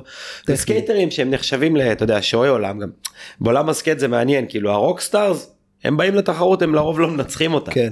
הם באים לשם עושים את שלהם ואם ל- אין להם איזה הבלחה מטורפת של לנחות את כל הטריקים. הם כן. סקייטרים זה free surfer כן, זה העולם בדיוק. אתה מבין כן. אז כל השמות הכי גדולים מגיעים והם hang out בתחרות וזה ולא מצליחים כאילו לחבר run. אתה ברור. בסוף הילדים מעריצים את אלה שיש להם סטייל, את אלה נכון, בדיוק. שעושים מטורף, את אלה שעושים דברים פסיכיים, כאילו. מה שיפה בעין לא מתפספס אצל אף אחד בסוף כן, לא יעזור כלום. זה לגמרי ככה. אבי אה, מי האנשים שנתנו לך את ה... כבר נכנסת לעולם הזה מי האנשים שאתה היום אתה יודע אתה בן 46 מי האנשים שאתה מרגיש שעיצבו את חלק מהדרך שלך אתה יודע בידע בסטייל אנשים שאתה מכיר אנשים שאתה לא מכיר כאילו סקייטרים בעולם בארץ מי עזר לחלק מהדרך שלך מי האנשים שאתה אתה יודע שהם שהם חלק מהעמוד שדרה שלך שאתה מרגיש שהם אתה יודע שמו אותך. קודם כל, אה, תחילת הדרך שהייתי בארץ, אז קודם כל, אה, דבר ראשון, רובי שבאמת בנה ועשה התחות בסטייל ובסגנון נסיעה, אני לא דומה לו ולא למדתי ממנו את הדברים, אבל זה שהוא בנה את הפארקים האלה ועשה את כל האירועים האלה, זה כבר, זה, זה הנקודה שממנה הכל מתחיל. הסקייטר שאני נדלקתי עליו מהיום הראשון זה היה גיא ניל סלמנוביץ', גיא סלמנוביץ'. שעשה לנו את הפתיח שעשה לנו את. הפתיח שהוא אחד הגיטריסטים הכי חולים שאי פעם חולים. נולדו בארץ. אבי יגיד על איזה סקייטר הוא היה. אנחנו חייבים להביא את נילס פעם. כן. זה יהיה פרק מעניין. פלוס פלוס. נ- נגיע לזה. קיצוני קצת מצחיק. כן. אה, אז. גיא היה מאוד מאוד צמוד אליי. גדלתי כמובן איתך ארתור, היית מעצבן תמיד. אה, עדיין, משתדל. סתם. אה, משתבח עם הזמן. כן, אה, היינו נוסעים הרבה ב- בתל אביב, אבל האנשים שבאמת אה, עיצבו, אה, לא יודע איך אה, זה, אבל אה, ב- בארץ זה באמת היה גיא, גיא כאילו היה סקייטר פשוט קיצוני. אה, אה, גם כישרוני. כן, הוא היה גם היה איזה סוג של עילוי כישרוני כזה שנסע לארצות הברית וניסה את מזלו והיה לו איזשהו סיכוי, אבל אני חושב שעניינים מנטליים גרמו לו לוותר על ארצות הברית. גם זה קשה להצליח בארצות הברית, במיוחד. בתקופה ההיא. אתה מדבר על 90's, כאילו, זה גיא בכלל נסע מוקדם. כן, אז, אה, אז אני וגיא התחברנו מההתחלה, שהתחלתי להיות טוב, אז הוא ישר התחבר אליי, ובאמת הייתי, הייתי נוסע איתו מלא, הייתי יושן אצלו, היינו נוסעים כל הזמן, הייתי מעריץ אותו בצורה מטורפת, כאילו הייתי בא לישון אצלו, היה מנגן גיטרה כל הלילה, ואז היינו יוצאים באמצע הלילה לנסוע סקייט, הוא היה מעיר אותי, בום, סקייט, יאללה סקייט, יאללה הולכים לנסוע, זה. היה לו טירוף, כאילו, זה היה, זה היה כיף, הייתה תקופה ממש אה, טובה, אז זו הייתה התקופה שבעצם... אה, התעצבת. הוא- כן, ממנו הוא ממש היה, הוא גם היה סקייטר שאוהב, רואים סרטים, רואים הכל, וזה... היו הרבה הרבה סקייטרים שגדלתי איתם פה, שהם חברים עד היום, והם סקייטרים מדהימים, שלמדתי גם מהם. כל החבר'ה של אותה תקופה ש, שגדלתי איתם זה גדי, עמי, אה, אני לא יודע, יש מלא שמות, גיא, חסון, אה, מלא אנשים שגדלתי איתם ו... לא, זה קרו קטן. אבי, זה היה קרו קטן. נכון. היה צוות, אחי, וגם של יוסי 15 איש. שאול, ש, שהיה נוסע כן. איתי הרבה בספורטק, ורונן רוזנברג, כל החבר'ה של פעם, של רובי, שהייתי פשוט מסתכל עליהם בתור ילד קטן. אבל אה, אני חושב שהרבה מהדברים שלי למדתי יותר בארצות הברית, כאילו, ש- שבעצם שהחלטתי שאני עוזב לארצות הברית. למה החלטת לעזוב? הסיפור דווקא היה מעניין, כי אני בצבא הייתי בהתחלה קרבי, ואחרי איזה שנה וחודשיים יצאתי מהקרבי, והורדתי פרופיל, והיה לי איזה בעיה, הייתי צריך להוריד פרופיל, ואז, אה, ואז בעצם הוציאו אותי מהקרבי, והייתי, שירתי באיזה יחידה בחוף ראשון, שקוראים לה יחידת ניסויים, טווח 24. וזה היה בסיס כזה יחסית חופשי, הרבה אזרחים עובדי צה"ל עושים ניסויים בנשק ורכב וכל מיני כאלה. ואז כאילו היה לי, זה היה בסיס שהיה מלא ציוד אמריקאי והיה שם ספסלים אמריקאים כאן מפלסטיק, כן. כמו שיש בארצות הברית בכל כן. הבתי ספר. כל היום הייתי חושב איך אני נוסע שם על סקייט, ו... ואז. בעצם אחרי שיצאתי מהקרבי התחלתי קצת לחזור לסקייט. ובסוף השירות שלי ככה איזה שלושה ארבעה חודשים לפני, לפני ש... שממש סיימתי את הצבא עשיתי שבת בבסיס. וישבנו אני ועוד איזה חבר אה, שהוא כזה בחור רגיל, אין לו מושג בסקייטבורד, אין לו מושג בגלישה, הוא אפילו קצת ערס כזה. ישבנו כאילו ו- וראינו, היה אז את כל הערוץ אקסטרים, היה כן. תבל, את הכבלים. תבל, תבל. וואו, מאיפה כן. הנפצת? תבל שהיה. היה בתל אביב, בהרצליה היה כן. ערוצי זהב. זה היה- שלוש זה היה חברות. בראשון, אני לא יודע אם זה היה תבל, לא משנה, זה היה אחד מהאלה, אבל היה את. הערוץ אקסטרים. כן. והיה שם איזשהו רגע שיראו את ה X Games, ואנחנו יושבים כאילו בערב כאילו, ואתה יודע, מסתכלים על זה, של ציפו. ואז, לא, בבסיס, אתה לא אה, הקשבת, אוקיי. עשיתי שבת בבסיס. הפסקתי להקשיב לך מזמן. וכן, זה תמיד היה ככה. ובכל מקרה, אה, Extreme Games אז, אז בטלוויזיה. ראינו Extreme Games בבסיס בשמירה ביום שישי בערב, ופתאום אני רואה את ה run של המנצח, ומכריזים על המנצח, ואני כאילו אומר, אה, יואו, אני יכול לעשות את ה run הזה, כאילו פתאום אני קולט שאני, כל התרגילים שהוא עשה, אני יודע? לעשות. לא, זה היה קרלוס נראה לי, דה אנדרדה. אה, אז, אה, גמד. אז אה, הוא עדיין שוחט דרך אגב, אתה יודע? לא. עכשיו אני התחלתי לעקוב אחריו באינסטגרם, הוא שוחט ממש. בכל מקרה אז uh, הסתכלתי ואמרתי ככה, פתאום סתם זרקתי את זה באוויר, הוא היה, הייתי עם עוד שתי חברים, אבל הדודי הזה, ו, ואני אומר, בואנה, אני יכול לעשות את הרן שלו. אז דודי מסתובב אליי, אומר לי, מה זה רן? אז אני אומר לו, זה מה שהוא עשה בתחרות. אז אני, הוא אומר לי, רגע, רגע. אתה אומר לי שעכשיו אנחנו רואים את האליפות העולם הזאת, לא יודע ואתה מה זה. יכול לעשות את זה? ואתה יכול לעשות מה שזה שאני ניצח. אה? אמרתי לו, נראה לי. אני לא באמת יודע, אבל לפי מה שראיתי התרגילים, אני מבין זה. ואז זה כזה ישב לי במוח כל הסופש, וביום ראשון הגע- צי- יצאתי מה, מה, מהשבת, רצתי לספורטק, ואמרתי אני חייב לעשות הרן, כאילו, ואז עשיתי הרן, ואז אמרתי לעצמי, יואו, אם אני יכול לעשות הרן הזה, מה אני עושה חייב פה?" לנסוע לארה"ב, ואני בדיוק לפני סוף הצבא, גדול. וזאביק חבר טוב שלי אני חייב ושל להגיד ארתור, שבצד הזה זאביק? של... אה, כן. כן, זאביק, זאביק. זאביק, כן, זאביק. כן. שנייה, אני שנייה, וזאביק נגיע לזה. החלטנו שאנחנו נוסעים ביחד לארצות הברית, לא, לא, לא, לא. לגלוש, ו- נסדר לך את זה רגע. נו. מהצד שלי. ארתור זוכר את ההיסטוריה יותר טוב ממך. כן, זוכר את. החיים שלי יותר כן. טוב ממני. חכה רגע, אתה טועה, זה לא אה, ככה. זה משהו שלא עם הבסיס והצבא, אבל אני אגיד אבי לא. לא נסע על סקט שנה שלמה בצבא. ויש קרש שהוא לקח לי שהוא חייב לי מאז. היה קרש שלקחתי באינטרסוף בלנק של פאוול. נתתי לאבי את הקרש הזה, הוא לא יודע למה הוא מחק את זה מהזיכרון, לא שסתם דחקה, כן? גם אבל- מהצופים הוא גנב לא, אבל קרש פעם נתתי אחת. לו. הוא נתן, חזר כזה הוא, שנה. שלמה, שנה שלמה בצבא ייבש לו את החיים קצת. הוא חזר בעוצמה מטורפת, רעב. כן. זאביק היה בתכנון לעזוב, סיים תותחנים, שלוש שנים היה מק, גם ילד ארס משנקין שפתאום הפך לזה. אמרתי לאבי, אבי, אתה עכשיו עושה וידאו פארט ואתה נוסע לקליפורניה עם זאביק. זהו, כאילו זה הזמן עכשיו, שים גז, יש הזדמנות, אני מכיר, אני הייתי כבר אהבתי אחרי, את זה שהוא זקף את זה לזכותו. לא, לא זוקף את זה לזכותי, לא, אני זוקף לא- את זה לזכותי שאני זוכר שישבתי. אמרתי אבי צריך לה- להיתפס וזה אז לנסוע כי אני הייתי הייתי כבר בקליפורניה והכרתי את קריס אתה זוכר אמרתי לך אני אכיר לך שם כן, מישהו כן, אני באתי לספר את זה, את האמת. לא תיסע עם זאביק יהיה לך פלטפורמה תתחיל כן. נסעו לסן דייגו. כן. אנחנו אה, עבדנו ביחד בביג מאמה בפיצה שהייתה פה בתל. אביב. ו- ו- כן. לא אבל בסוף זאביק אני רציתי אני התכנון אני הייתי הצלע השלישית כאילו כן, הוא היה אמור להצטרף. נגיע גם לזה כאילו הצטרפתי אבל לא משנה זה הצטרף, כבר סיפור הצטרף אחר. בקללות. נו. אז אה, מה שקרה זה בעצם אנחנו עבדנו בביג מאמה והחלטנו שברגע שהבנו שאנחנו נוסעים והתחלנו לחסוך כסף ולעבוד שם ולקחתי גם את כל המענק של הצבא את כל הכסף שהיה לי ושנינו נסענו לקליפורניה.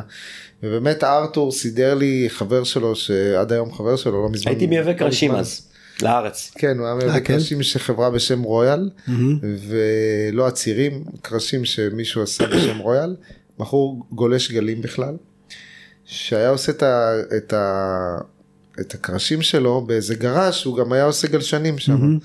ואני כאילו הגעתי דרך ארתור ואני ידעתי רויאל חשבתי חברה של סקייטבורד ופתאום אני מגיע בן אדם לגראז' גלשנים. הוא עושה גלשנים וקרשים של סקייט ויש לו איזה team של איזה שתי מוזרים כאלה שבכלל לא יודעים לנסוע skate.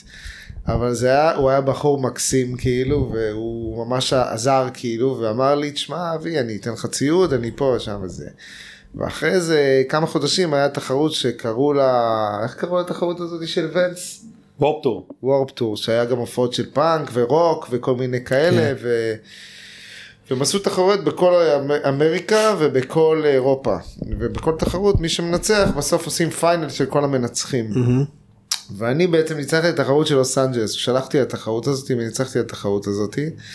ואז אה, אחרי זה הוא שלח אותי לעוד תחרות וכשהגעתי לתחרות היה איזה בחור מקסיקני מלא קעקועים כזה שעמד בחוץ מבוגר כזה שמן עם זקן נראה ארטקור כזה הוא מסתבר היום ארתור אתה היית עף עליו הוא חבר של כל הלהקות מטאל סלאר כל הכי גדולים הוא כזה בעניינים שם חזק. והוא היה מנהל חברה של סקייטבורד שקראו לה ליטו. הוא ראה אותי מחוץ לתחרות, מחוץ ל skate park היה איזה מין רמפה כזאת בחוץ שאפשר להתחמם. ואני נסעתי שם, הוא ראה כנראה שאני נוסע טוב, אז הוא בא ואמר לי, תשמע, אתה בסוף התחרות תבוא, אני אזרוק לך איזה שתי קרשים, יש לי חברה של skate, תתקשר אליי, אתן לך קרשים מדי פעם. איזה כיף. ואז בסוף התחרות באתי, ניצחתי את התחרות, באתי עם הגביע. Mm. אז הוא ישר תפס אותי וחיבק אותי ואמר לי, ידעתי שאתה טוב וזה ופה ושם. הוא אומר לי, אני רוצה, אני רוצה שאתה תהיה ב team. כן, מריו, מריו מרטינז. אז uh, הוא אמר לי, אני רוצה שאתה תהיה ב team שלי. יש לי חברה של סקייטבורד וזה, כן. ואז אמרתי לקריס שהציעו לי משהו כזה, ושאני אצטרך לעזוב. קריס היה ממש סבבה, ו... ונכנסתי בעצם לליטו לחברה הזאתי.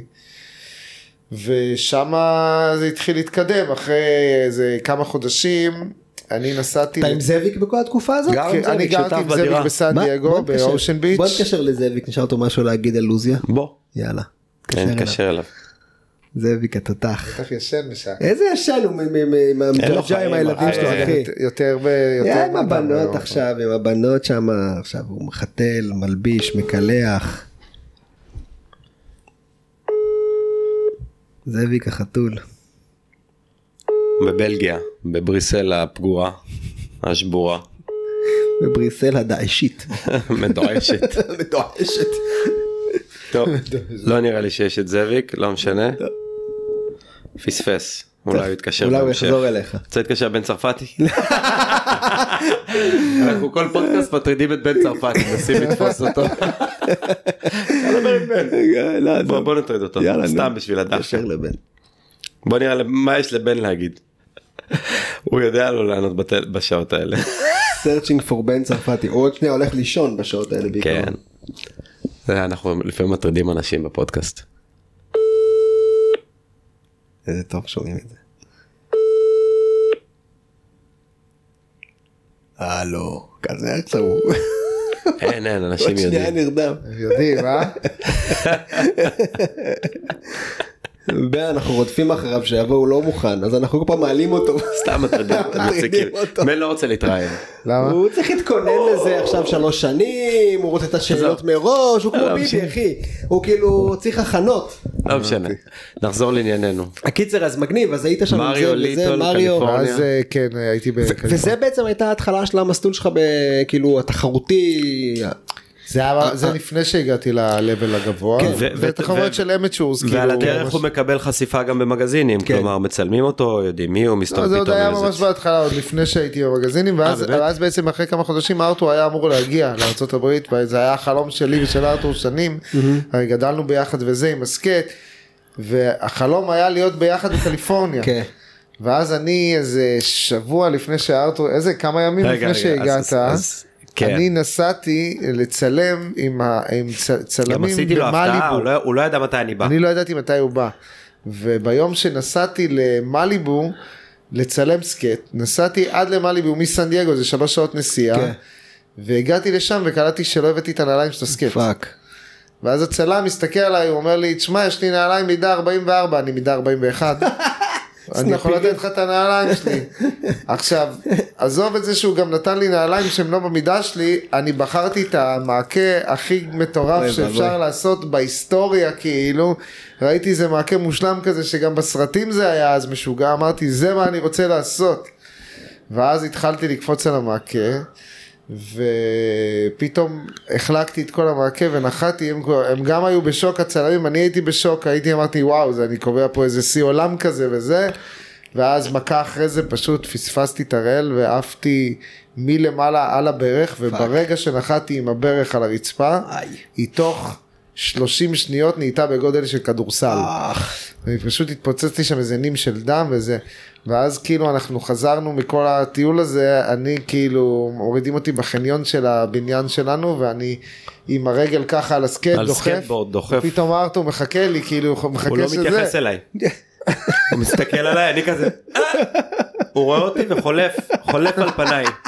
הייתי כל כך בבאסה. איזה כיף. שכאילו לא ידעתי איך להגיב בכלל, מה אני אומר לארתור, כאילו באסה שבאת, מה עכשיו באת? אני רוצה פה אתה לקחת את זה היה השלב. חלום, אני. חייב את ה... כן, זה באמת ואז הוא הוא התגשמות גם קילל החלום. אותי כל היום באותו יום. הוא אמר לי אני שונא אותך, עד שבאתי עד לפה, ואתה כאילו, באמת פצוע? התגשמות חלומות של שנים כאילו מתמרכזים לאותו רגע אבל פה אני בכלל הולך למקום אחר בסדר? כמה ברוטלי זה סקטבורד בפציעות אה, קטנות. זה פציעה קטנה כן. אין מה לעשות. אני בדיוק אז אבי לא היה בארץ ניצחתי את האליפות הארץ. הוא לא היה פה הוא צחק עליי. פינה לך. אבל התקשרתי אליו בסוף אמרתי לו אבי ניצחתי את התחרות אז לי בוא יש הבדלי רמות כאלה אתה יודע. סבבה צחוקים דחקות וזה הגעתי שמחה גדולה אבי התפוצץ. היינו עבר את הפציעה היינו ביחד אתה יודע, עברנו הלכנו דרך המושן זה מה לעשות זה לא היה החלום החלום לא התגשם היינו ביחד צחוקים הופעות קליפורניה כן. זאביק זה זה זה. זאביק עזב כבר? וכשאתה היית, לא זוכר, יש מצב שכן? זאביק זאביק כבר עזב לא משנה. כן, לא היינו ביחד. לא עם לא זה. זאביק עזב למיאמי משהו לא משנה. אה, נכון. היינו חודש וחצי הסתובבנו הלוך חזור קליפורניה לא משנה כל הסיפור. ASR Trade Show שטויות מקצועני כאילו כל הסיפור של אז. אני חזרתי לארץ שברתי את הקרסול וזהו זה הפציעה שהרסה לי את החיים כאילו את חיי הסקטבורד שלי שינתה את כל הכיוון. וזה פציעה קטנה כן זה אמנם פציעה שמשביתה אותך אבל זה אה, בגלל זה אתה ככה? כן. סקטבורד זה ענף ברוטלי כן. בפציעות הקטנות אנשים לא מתים כאילו מת איזה סקייטר מאיזה כזה זה אבל לא מתים בזה אבל זה, זה כל כך ברוטלי בפציעות הקטנות משבית. כל הזמן וזה זה אתה נגד עצמך כן. פה וגם הסקייטרים ברמות הכי גבוהות שהם נפצעים אומרים אתה נפצע כאילו עם כל מיני דברים אתה אומר לפעמים מה אני עושה פה למה אני עושה את זה. כן. זה יש בזה משהו שהוא קצת אחר מכל דבר אחר. לא גלישה, לא ענפי ספורט אחרים, אני לא רוצה להשוות את זה בכלל. זה משהו שהוא כל כך מתסכל וזה באותה רמה זה דרגת הפשן העוצמתית הזאת לדבר הכל כך שונה הזה מכל דבר אתה יודע. בן אדם מתפוצץ על רייל באמצע הרחוב כאילו. אתה גם הרבה פעמים אתה בעצם בונה את עצמך במשך שנים ואז אתה יש לך ספונסרים ואתה כבר נהיה בחור רציני אז אתה מבין שאתה חייב להביא איזושהי רמה. ואז אתה מכניס את עצמך לכל מיני מישנים. כאלה שאתה אומר איך הכנסתי את עצמי לדבר הזה זה כאילו אני הולך למות פה, כאילו, אני הולך להישבר, איזה סיוט, פתאום זה יכול להיות אפילו טיפה סיוט, כן. כאילו, והרבה פעמים שאם אתה מצליח לעשות איזה or משהו break, מטורף. אז אתה כאילו בהיי, שזה כאילו כן. לקחת סמים, כן. אתה ממש ברור. בטירוף, אה, עף על החיים, כאילו, וואו, כל הכימיקלים בגוף. משתחררים לך באותו גם רגע. כל היום יומיים אחרי זה אתה חוגג את זה שהצלחת את הטריק הזה, אז כן. זה לא ניצחון בתחרות אחי כן. זה משהו זה אתה מול עצמך מול איזה מול בר, מול בר שהצבת לעצמך ואתה עובר כן. אותו ואתה אומר, מול איזשהו מתקן דומם באמצע כן. הרחוב באמצע שום מקום כאילו זה אתה ועצמך זה הקטע כאילו בסקטבורד. וזה דבר כזה כמו שדיברנו קודם על עמי שיש לנו חבר שיכול לעבוד על אותו טריק אם הוא לא נוחת שעות. כן. היום גם יש סקייטרים שעוזבים וחוזרים לזה אתה יודע יש דברים מאוד גדולים גם שעושים כאילו קיצוניים אז אתה לא הצלחת פעם פעמיים נשברת. יש סקייטר שחזר שבר את הקרסול כמוני באיזה עשה איזה משהו אני לא יכול להסביר לך אותו Sunset Carwash כן ב-LA מילטון מרטינז. אני שברתי את הרגל בדיוק כמו שהוא שבר אני שברתי את זה מסתם משהו מצחיק כן. הוא חזר לאותו מקום אחרי שהוא שבר את עצמו שנתיים אחרי זה ועשה את הדבר הזה אתה מבין? זה יותר מטורף. הוא שבר את הרגל מאולי, נכון ועשה פליפ. והוא עשה פליפ. כן, כן.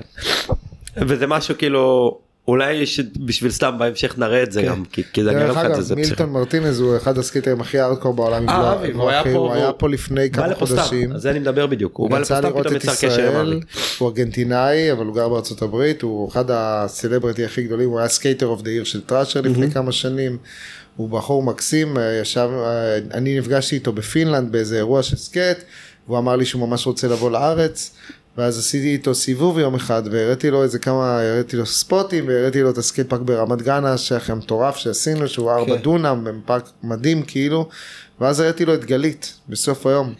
הוא אמר זה הפארק שאני אוהב. וואלה. כן, כאילו... בדיוק באתי לשאול אותך על מה אתה חושב על גלית היום, שגלית זה סקייט פארק מדהים עד היום. כן? מדהים. אולי... אה, אבל כאילו כל מה שקורה שם ברמה של הסצנה לא קצת... אה, זה קצת דועך, תשמע היום יש הרבה סקייט פארקים, אנשים הולכים להרבה מקומות אחרים, אבל אני חושב שבגלית תמיד יהיה קסם, יש משהו ב freedom, בזה שזה זה שזה פתוח. מרדים ילדות, לא יכול לדבר.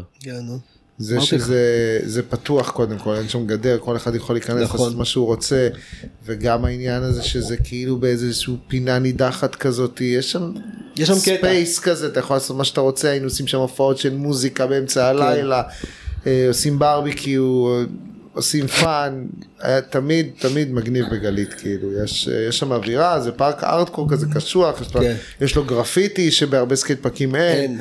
יש שם אווירה של, של פעם, כאילו, וגם הסקייט פארק מעוצב בסגנון של הסוף ה nineties, נכון. כאילו, של תחילת שנות האלפיים, שזה נכון. הכל גדול ומסיבי, היום בונים הכל כזה מדויק וקטן ומקצועי, וזה קצת יותר משעמם ונראה גם פחות מרשים, כן. והמהירויות של הסקייט הן הרבה יותר נמוכות. אה, יש פה מה שנקרא euro gap, step-up gap, זה איזה מין מתקן כזה שיש בסקייטבורד ובגלית יש פשוט את, אני כבר שנים שומע שהוא הכי טוב בעולם, כאילו, וואלה. זה, זה כאילו איזה משהו מפלצתי כזה שכל בן אדם שבא לפה אומר וואו, מה זה ה euro gap הזה, כאילו זה, הכי כיף בעולם. והוא הכי כיף ושנים היינו נוסעים עליו כולם, היום זה הרבה פחות, אבל אה, אנחנו מתים על הסקייט פארק הזה. זה גם הקטע, אתה יודע, כל, אתה, אתה מדבר על סקייט פארקים ואתה הסקייט פארק הכי טוב בעולם וזה כאילו זר לא יבין זאת אבל הרי בסופו של דבר זה מבנה.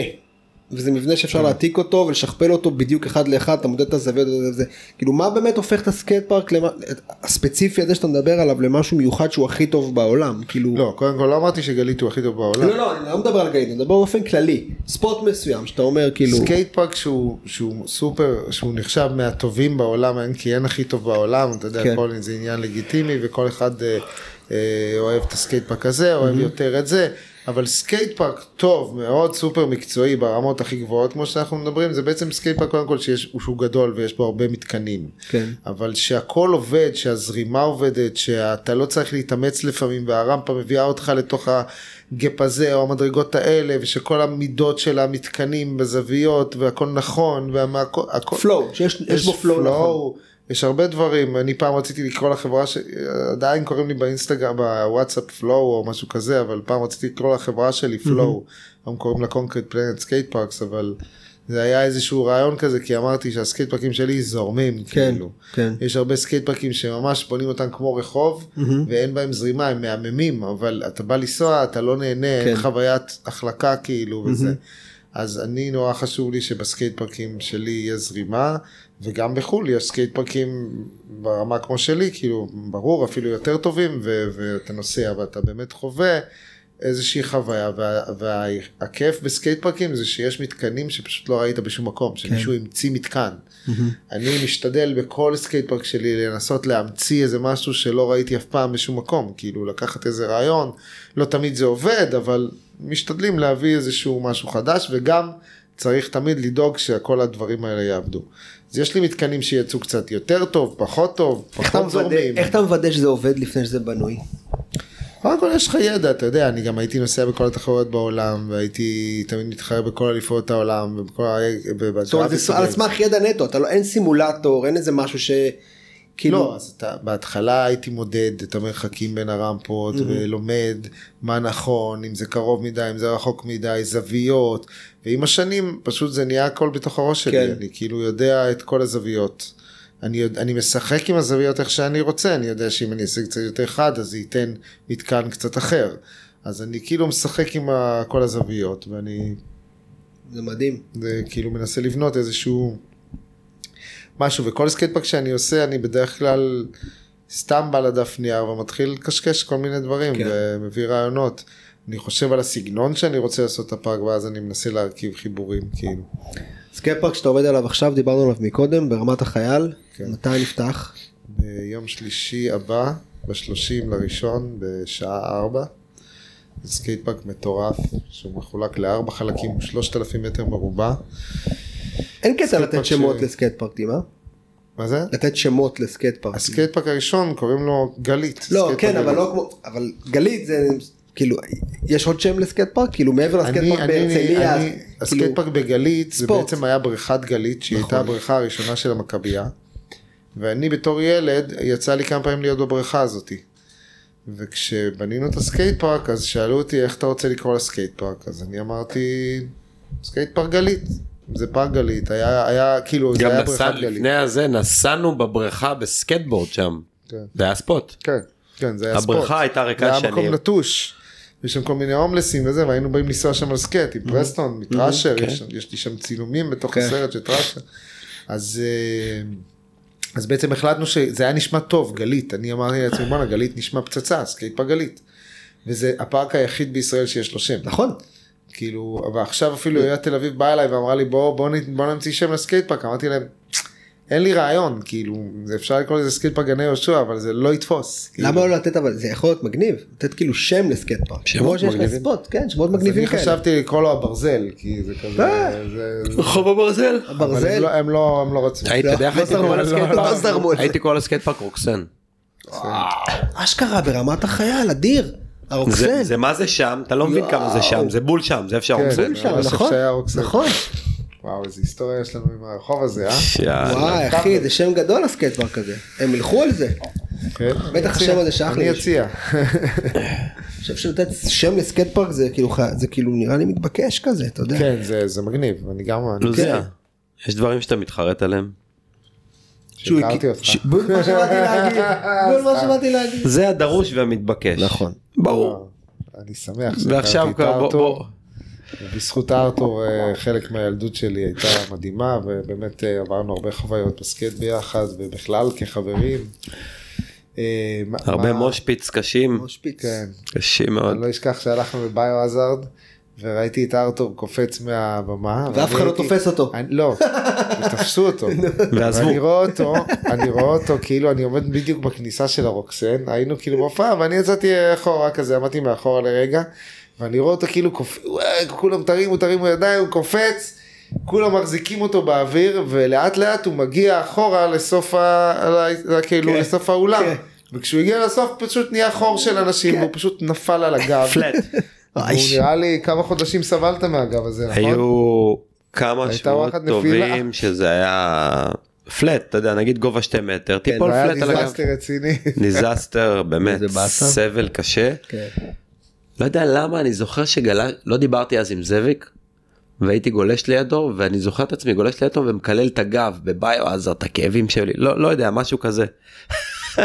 איכשהו לא יודע כל הזה מסתובב כן היו- היה היינו באמת יש לנו ילדים קטנים ברוקסן, תמיד היינו מקבלים מלא מכות מכל הפוגו הזה וזה, היו פנקיסטים ארטקור כאלה מפתח תקווה, מכל מיני מקומות, כן היו שוברים בהיסטוריה. בינינו כאילו נראה לי ביני ובינם באמת אה, זיכרונות ערימות של זיכרונות מטורפים מלא חוויות של סקייטבורד גם כמה מצחיקות של גלישה שלקחתי את אבי וזה הכי מצחיק בעולם. אני, אני בפעם הראשונה שהוא לקח אותי לגלוש, אז הוא הביא גלשן מאלכס אח שלו, ו... והלכנו פה לאילטון, ואני אמרתי לו, ארתור, אני לא אוהב את העניין של הסלעים, לא מתאים לי הסלעים, כאילו. אז הוא אומר לי, אתה תעמוד שם, עכשיו, זה לא בפיק, זה בצד. כן. ואני לא מבין, כאילו, אני אומר, אין גל, אבל מה אני עושה פה, כאילו, הוא אומר לי, תעמוד, תעמוד שם, ואני כזה באיזשהו שלב, אני אומר, לא, לא, אני מתקרב לאיפה שהם וזה.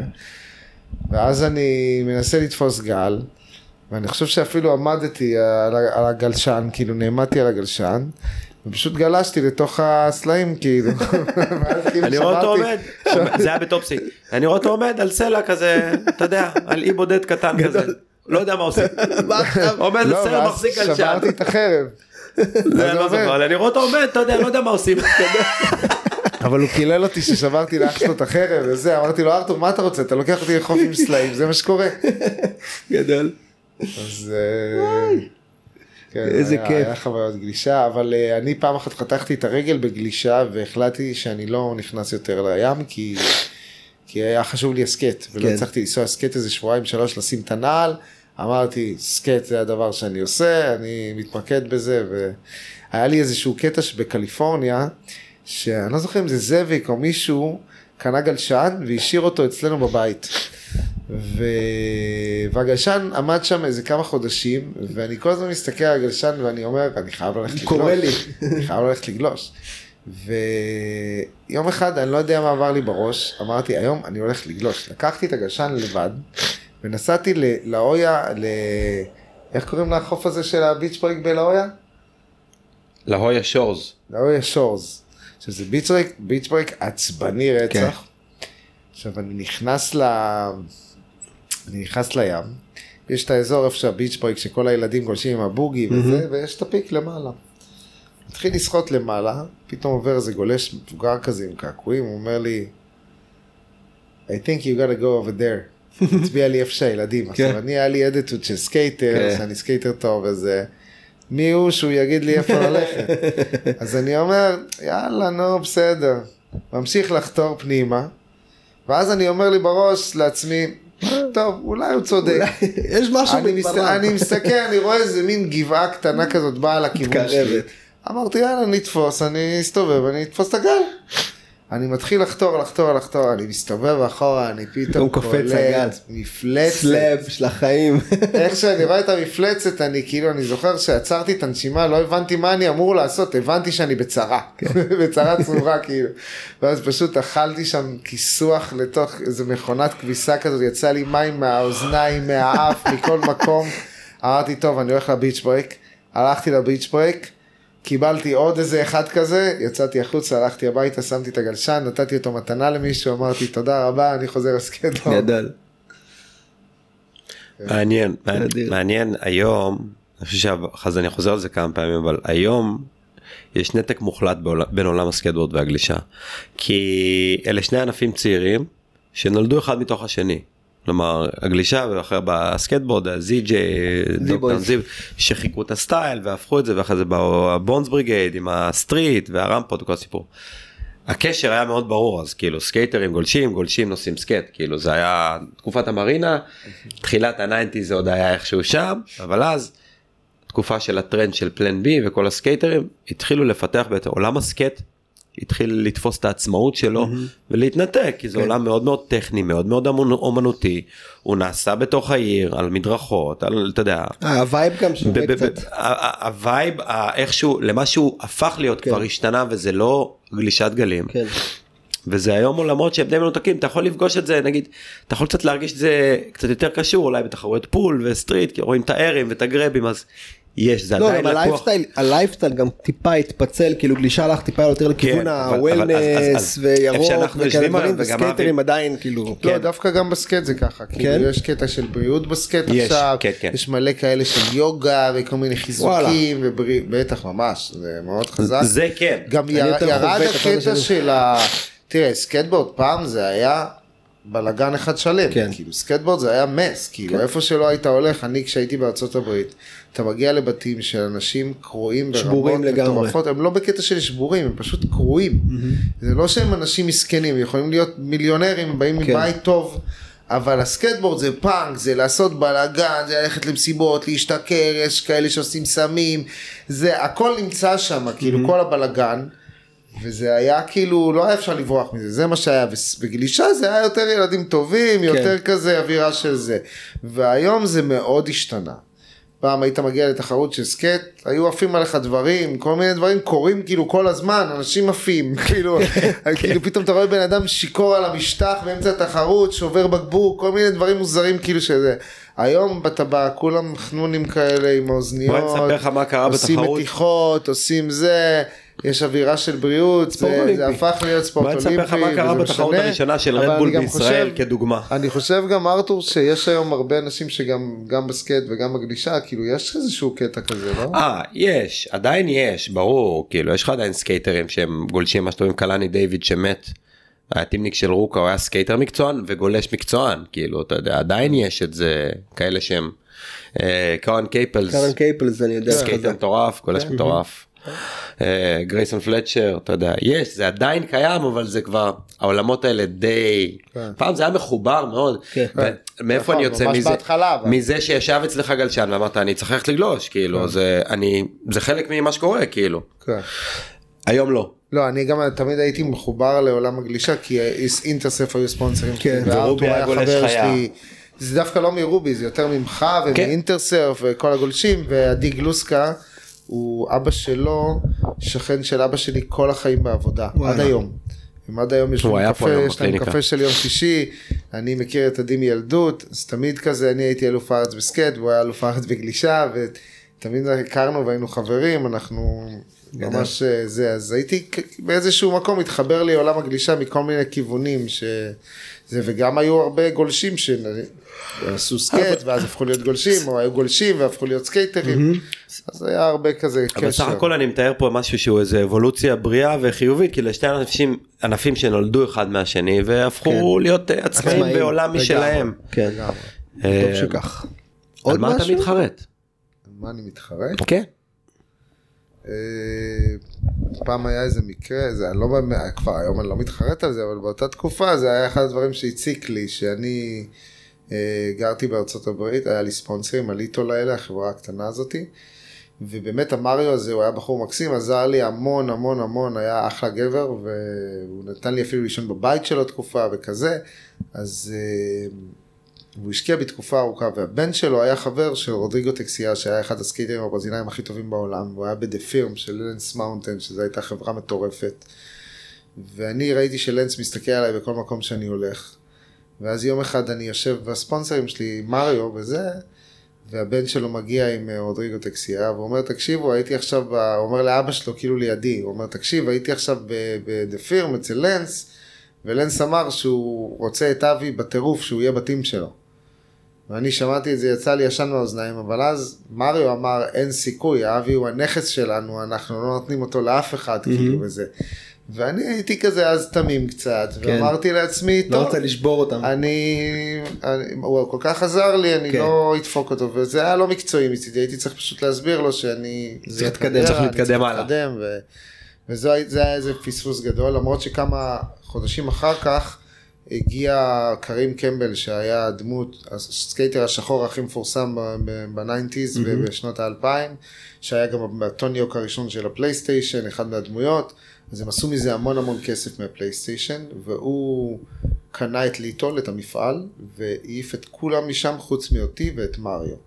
ולי הוא הבטיח מלא הבטחות, הוא אפילו צייר לי איזה קרש עם עוזי, כי זה לוזיה, ויש את העוזי בפנים, את השם, אז הוא רצה לעשות לי איזה קרש, הבטיח לי מלא דברים והכניס אותי ל team וגם היה ככה ב- ביני לבינו הוא הראה לי את הצ'קים של כולם ולי הוא היה משלם הכי הרבה כי הוא ידע שאני ממקום אחר ואין לי כסף ושאני צריך את העזרה הזאת ואז אני עברתי לגור בהוליווד וזה ממש הפך להיות כזה ספונסר רציני והיה לי מלא כסף וסקייטרים הכי גדולים בעולם היו בתים שלי כמו פול רודריגז וג'רמי רוג'רס וכל מיני כאלה ובעצם אה, הסתובבתי איתם תקופה ארוכה מאוד, הייתי איזה שנה שבאמת הייתי בטורים, הוא היה מטיס אותי לכל מקום, היה חסר לי כסף, הוא היה עוזר לי, כל מה שצריך, כאילו חייתי ממש ברמה גבוהה. ואז אה, היה את ה-9-11 ואני הייתי בארצות הברית. זה היה אחרי איזה שלוש שנים שהייתי כבר בארצות הברית. וב-9-11 בעצם אה, אחותי, שלושה שבועות אחרי ה-9-11 היא התחתנה, אחותי הגדולה. והייתי חייב לחזור לחתונה של אחותי, אנחנו ישראלים, אין מצב שאנחנו נפספס חתונה שבמשפחה שלנו וזה. אז חזרתי לארץ לחתונה, והייתי צריך להאריך את הוויזה שלי. באתי לשגרירות, והם היו בטירוף של פשוט 9/11. לקחת לכולם את הוויזות, לא מעניין אותם תייר, לא תייר וזה.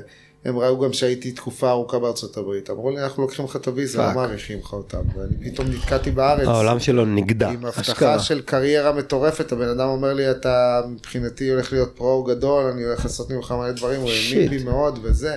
הוא היה קורא לי ה baby שלו, כאילו, הוא היה קורא לי baby כל הזמן וזה. ואז אני הייתי שבור נפשית. זו הייתה תקופה קשה מאוד, ואבא שלי גם נכנס לניתוח לב פתוח באותה תקופה, הכל היה כזה נורא רע, ונפרדתי מאיזה חברה שהייתי הרבה שנים. ולך תסביר לשגרירות תקופה- האמריקאית שמחכה לך קריירה בסקייטבורדים, כן. כאילו מה אתה רוצה מהחיים ואז שלנו עכשיו? במשך איזה שלוש שנים, פשוט ניסיתי להסתובב בעולם ולנצח אליפות עולם כדי שזה, לחזור. כאילו, אתה חייב לנצח, אתה לא כן. יכול לבוא ולקחת מקום עשירי וזה. כן. התאמנתי לזה ונסעתי עד אוסטרליה ולא הלך לי וזה, ואז אחרי זה שלוש שנים הייתי באליפות העולם בפראג ולקחתי מקום חמישי וקיבלתי לא, אבל מונסטר גם היה. מונסטר גם הייתי, אבל זה... זה היה תוך כדי שהיית בארצות הברית? לא, נסעת כשהייתי- הברית. זה- כשהוציאו אותי מארצות. הברית לקחתי גם מקום תשיעי ב Monster באליפות העולם, אבל בפראג קיבלתי הזמנה ל Gravity Games, שזה כמו ה X Games, וזה ספר כזה, וקיבלתי הביתה מין כאילו וואחד מעטפה כזאת, ובפנים היה ספר, ואתה פותח את הספר, ויש שם כאילו כל תמונה של biker או של אה, גולש, גם גלישה נראה לי היה שם, וסקייטרים, וכאילו, אתה יודע, זו תמונה שלמה של, ה, של הסקייטר, וכתוב עליו למטה. פרופיל. כן. והיה כתוב עליי דברים מדהימים, כאילו שאני איזה סקייטר שהגיע מישראל, ושעשיתי דברים וזה וזה, ושיש לי הישגים מאוד גדולים ופעם. ואז באתי מהספר הזה לשגרירות, ונתנו לי את הוויזה שלי בחיוך, אבל זה לקח שלוש שנים. כן. ואז כשטסתי לארה"ב, הייתי כבר לא צעיר, כי גם עשיתי צבא, הגעתי לשם גם ככה מאוחר, והייתי איזה שמונה עשרה חודשים בארצות הברית, והבנתי שזה כבר, כאילו אני יכול לעשות קריירה, אבל זה לא יהיה, אני רציתי את כן. הקריירה של ה top 10, top 20, איפה שעושים הרבה כסף, ובאמת זה לא בונים ה top את tier החיים. מה שנקרא. כן. הבנתי שאני כבר לא שם, ואני הולך למשוך סתם קריירה של אה, להרוויח כאילו משכורת, ואז מה אני אעשה שם אחרי כמה שנים? אז החלטתי שאני פשוט חוזר לארץ. זו הייתה תקופה קשה, כי לא ידעתי לאן אני הולך עם זה, ולאט לאט הגעתי לעניין של הסקייט פארקים. התחיל הסקייט פארקים, אה, VF וונס גם תפסו תאוצה הזאת, זה סתם איזה דיטל, נכנסו לארץ בצורה רצינית, פנו לאבי, הוא הקים את הסקייטים לא, עדיין. היה, היה את הטים ונס, כאילו הפרסטון הצלם שצילם אותי, כן. של טראשרס, שעשה לי וידאו פארט בסרטים שלהם. טים ונס העולמי הגיעו לארץ.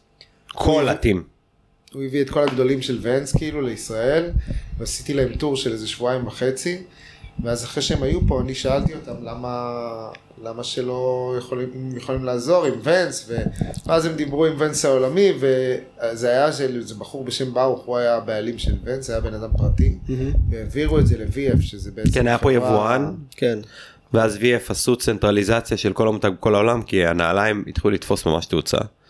והקימו פה סוכנות של VF שמדווחת לאירופה, זה לא יבואן, זה פקידים שעובדים כאן. אז הם לקחו את ונס והביאו בחור צרפתי שעבד בוונס אירופה והוא התקשר אליי ואמר לי שהוא קיבל את הטלפון שלי מארצות הברית ושהוא רוצה שאני אקים לו טים של ונס כאילו ואז הקמתי את הטים ואחרי איזה שנה שנתיים אני חושב ארתור הצטרף גם וגם עזר להקים טים של גלישה וזהו ומאז עד היום אנחנו בוונס.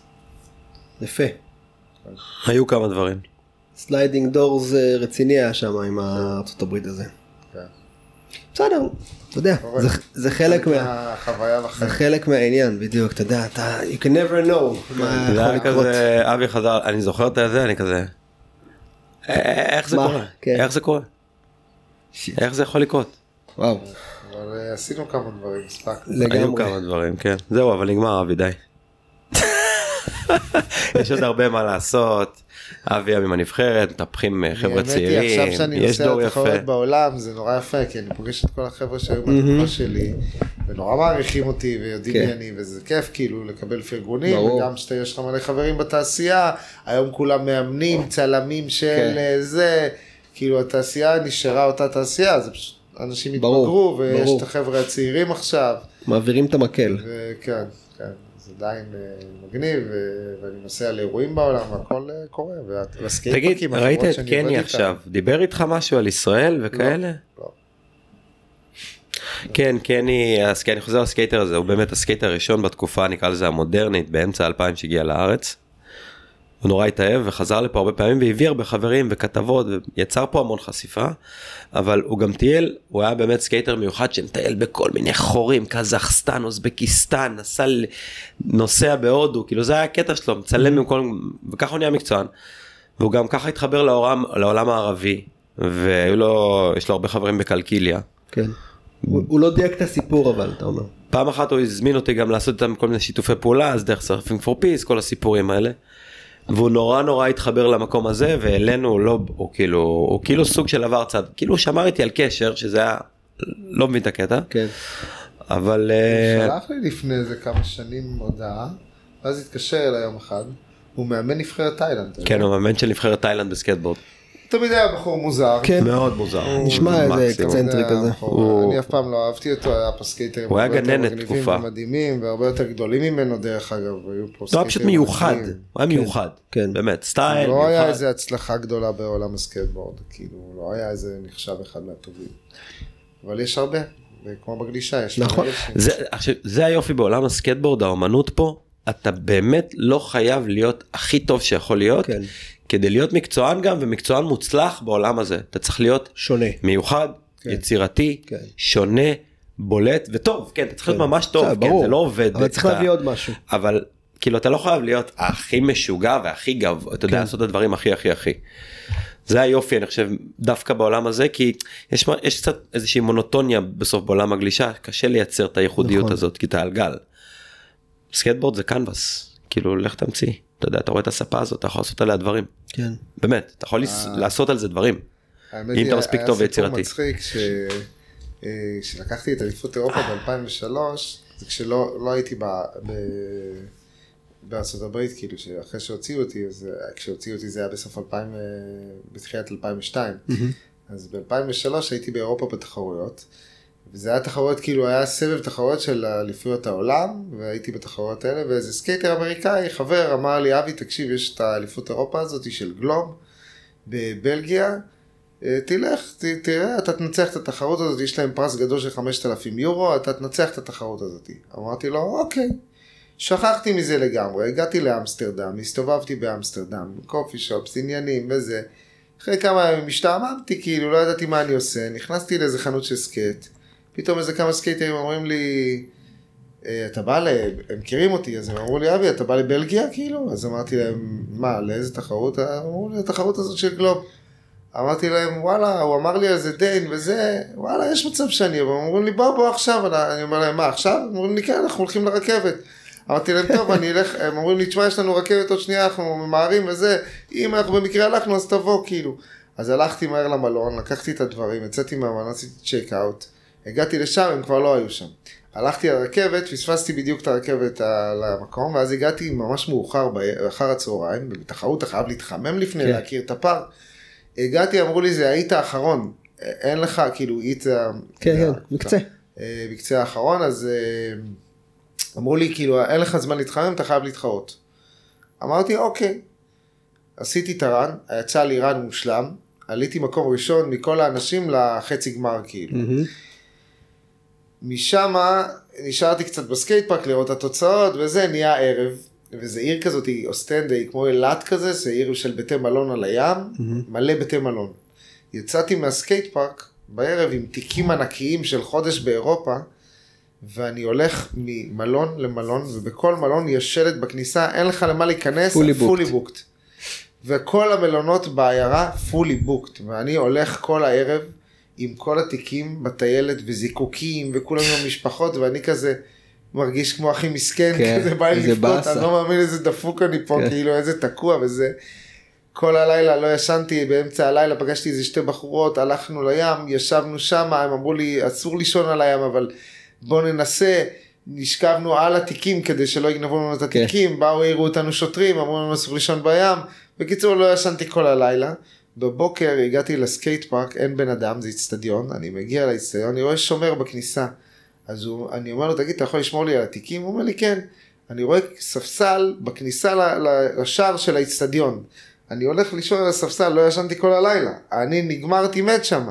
אני מתעורר פתאום, מישהו מעיר אותי, אומר לי, אבי, המקצה שלך. תקשיב, לא, הוא אומר לי, תקשיב, כל האנשים ביציע אמרו לי, יש שם איזה בחור שיושב, זה שעלה ראשון לחצי גמר, הוא ישן בספסל, בכניסה, תקראו לו, עוד מעט צריך לנסוע וזה. אז הוא אומר לי, תקשיב, כולם אמרו לי, "זה- זה, תתעורר, יאללה בוא. אז אני אומר לו, אוקיי, סבבה, אני אבוא, כאילו, נכנס ל skate park, מתחילים להתחמם וזה, מתחילה התחרות, מגיע חצי גמר, נוסע, הולך לי פצצה, עולה ראשון לגמר. אחרי איזה חצי שעה אני הולך לשירותים, היה שם משתנות כאלה. אני בלגיה, כן? אני שם את ה skate בצד, משתין, מסתובב חזרה, אין skate. shit. גנבו לי את ה skate. אמרתי, אני לא מאמין שגנבו לי את הסקט, הלכתי למנחה, אמרתי לו את זה, הוא אומר, תחזירו את הסקט, זה הבן אדם, זה, זה, זה, אין סקט. עכשיו, היה לי כל מיני חלקים שבורים כאלה, אמרתי, טוב, הלכה התחרות. הפסדתי את הכסף, הלכה התחרות וזה. ואז בעצם אה, הרכבתי את הסקט, עשיתי את הרן הראשון בגמר, נפלתי כל הרן. אז אמרתי, זהו, זה גמור, כאילו, והיה לי עוד רן אחד.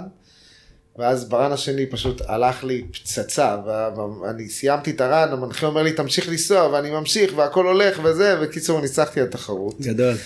שמונה שנים אחר כך, אני וצחי, עינת, חבר טוב, סקייטר, Vans והכל, נסענו ביחד בתור ה team של Vans לתחרות בשוויץ. ובאחד הערבים שם, שיש שם איזה אזור כזה של בילויים, כמו בנמל וזה, אנחנו יושבים כזה על איזה ספסל, פתאום עוברים איזה חבורה של פנקיסטים, שרשראות כאלה, וסקטבורדים וזה. ואז הם מסתכלים עלינו והם עושים. הוא אומר אחד לשני, יואו, it's the dude from Belgium. אז, אז אני כזה מסתכל, אני, אני מתחיל להבין שיש מצב שהם מדברים על התחרות. אז, אז אני אומר לו, מה, אתם מכירים אותי? הוא עושה לי, yeah, you the, the dude who slept on the bench and won the contest. אז, אז אני אומר להם, אשכרה? אז, אז הם אומרים לי, כן. הם אומרים לי, מאז שהיינו בתחרות, אנחנו מעריצים אותך, אנחנו בכל תחרות הולכים, משתכרים. משתכרים, לא ישנים כל הלילה, ישנים על ספסלים, ישנים ברחוב, ובאים לנצח את התחרות. אני עושה להם, נו, וניצחתם? הם אומרים לי, לא. זה לא עובד. אתה מבין אבל כל- זה היה כל מטורף שהם כל זכרו הסיפור אותי, שאבי כאילו. סיפר עכשיו באמת בנאצ'ל זה סקטבורד זה סקטבורד לגמרי. זה סקטבורד. אחי. אדיר. כן, כן. גדול. וואי. וואי אבי אני מקווה שלא תישאר על. טוב. לפחות ב skate פארקים שלך. תסדר לך איזה skate park אה, היא אה, יש ספסל מרופד. יקרים, כאילו כן כבר. כן משיש. וואלה אבי מקווה באמת שתמשיך לבנות לנו פארקים אחי. אני חייב להגיד גם גם מעבר לזה תשמע אתה story- teller אמיתי כאילו כיף כיף לשמוע כאילו אתה יודע לספר את הסיפור בצורה ממש טובה מעניינת ווואלה אספקט אחי כבוד אני שמח ש... כיף לי איתכם. שמח שבאת כן. איזה כיף. יופי זה נגמר? אה? אנחנו בדרך כן נראה לי שזהו יאללה כן מדקאסט אני רוצה סיימנו. לעשות צ'ק על הצ'קליסט על הדבר הזה. כי זה דבר בלתי נסבל שהיה צריך לקרות. כן לגמרי. סתם. יש לנו את הצ'קליסט, מה הכוונה בצ'קליסט? יש פיגורות שבנו את כל הלייפסטייל הזה שלנו, שאנשים עוד, אתה יודע, יש היום גם דור קדימה שהוא לא יודע מי, הוא לא, הוא לא אמור לדעת גם מי, אתה יודע. והתפקיד הזה של הפודקאסט זה לסמן את כל, כל התיבות האלה, של למה הדברים נראים היום, חלק מהם, חלק מהדברים, איך הם נראים? ולמה הם נראים. איך הם הגיעו. בדיוק. נכון, וזה. כן. חשוב מאוד. יש היום נתק כזה, סתם, אנחנו סתם נדבר עכשיו על ההמשך, אני מביא את שון תומפסון נגיד, לאירוע הזה של אה, לכבוד גולשי העוטף, בעשירי לפברואר הזזתי את זה, עשירי לפברואר בשעה שבע בערב אצל אמור בסטולרו, ויש דור שלם שהוא לא מזיז להם, כן. לא מזיז. אני מוצא את עצמי מוצא את עצמי מדבר עם גולש צעיר לפני ושון כמה תומפסון, ימים. לא לפני כאילו. כמה ימים מדבר עם איזה מישהו גולש צעיר אתה בן אני יודע מה, 17 16 גולש חייב אני אומר לו כן שון תומפסון מגיע וזה אומר לי מי. עכשיו כאילו מה אין להם הם כאילו אין להם מושג היום? הם שמעו את השם שון תומפסון אבל הם לא מבינים את האימפקט של הבן אדם על גלישה הם לא מבינים חושבים מה. שזה לא. רק בישראל רע- ככה? אני חייב אני- להגיד שלצערי אני- אני מרגיש שרק ב- בישראל. יש כזה קטע של disregard כאילו כן, להיסטוריה נכון. מאיפה הכל התחיל ומה שלא עכשיו לא כי מעניין ה- כאילו. אני זוכר שהגעתי לארה"ב והיה לנו איזה עם ליטו עם החברה הקטנה הזאת נסענו לטור של skate לטקסס 36 שעות באוטו ובאיזשהו שלב הם עשו מין טריוויה כזאת של skate ואני אמרתי מה אני ספץ זה הכל כאילו לא ידעתי כלום. והם יודעים ילדים והם יודעים הכל מי זה ההוא מי זה זה מי זה הזקן ההוא מי זה זה. כי לומדים מורשת. כמה ידע. יש להם כן. וגם יש נורא בארצות הברית הערכה הערכה למבוגרים הערכה לתרבות. למי שהתחיל לתרבות. לא יש respect לאנשים שגם אתה יודע אתה רואה בן אדם שמן כזה שלא מסוגל לעמוד על skate אבל כן. הוא היה פעם אגדה אנשים נותנים לו מלא כבוד בארץ עם כאילו been there done that נכון. זה עניין של חינוך. כאילו. אז זהו אז לא כולם מכירים. זה עניין של מורשת ו- והכרת המורשת וכבוד למורשת וזה חלק מהעבודה פה בפודקאסט בעצם כל התיבות האלה את לשלם עליהם. כן. לסמן עליהם וי ואין ספק שאבי הוא חלק אה, מאוד משמעותי באבולוציה בכל מיני מקומות. של הסקייטבורד ו- וגם הסקייט פארקים האלה בוא כל גולשי ישראל נוסעים בסקייט פארקים האלה כל מיני צורות שונות של סקייטבורד.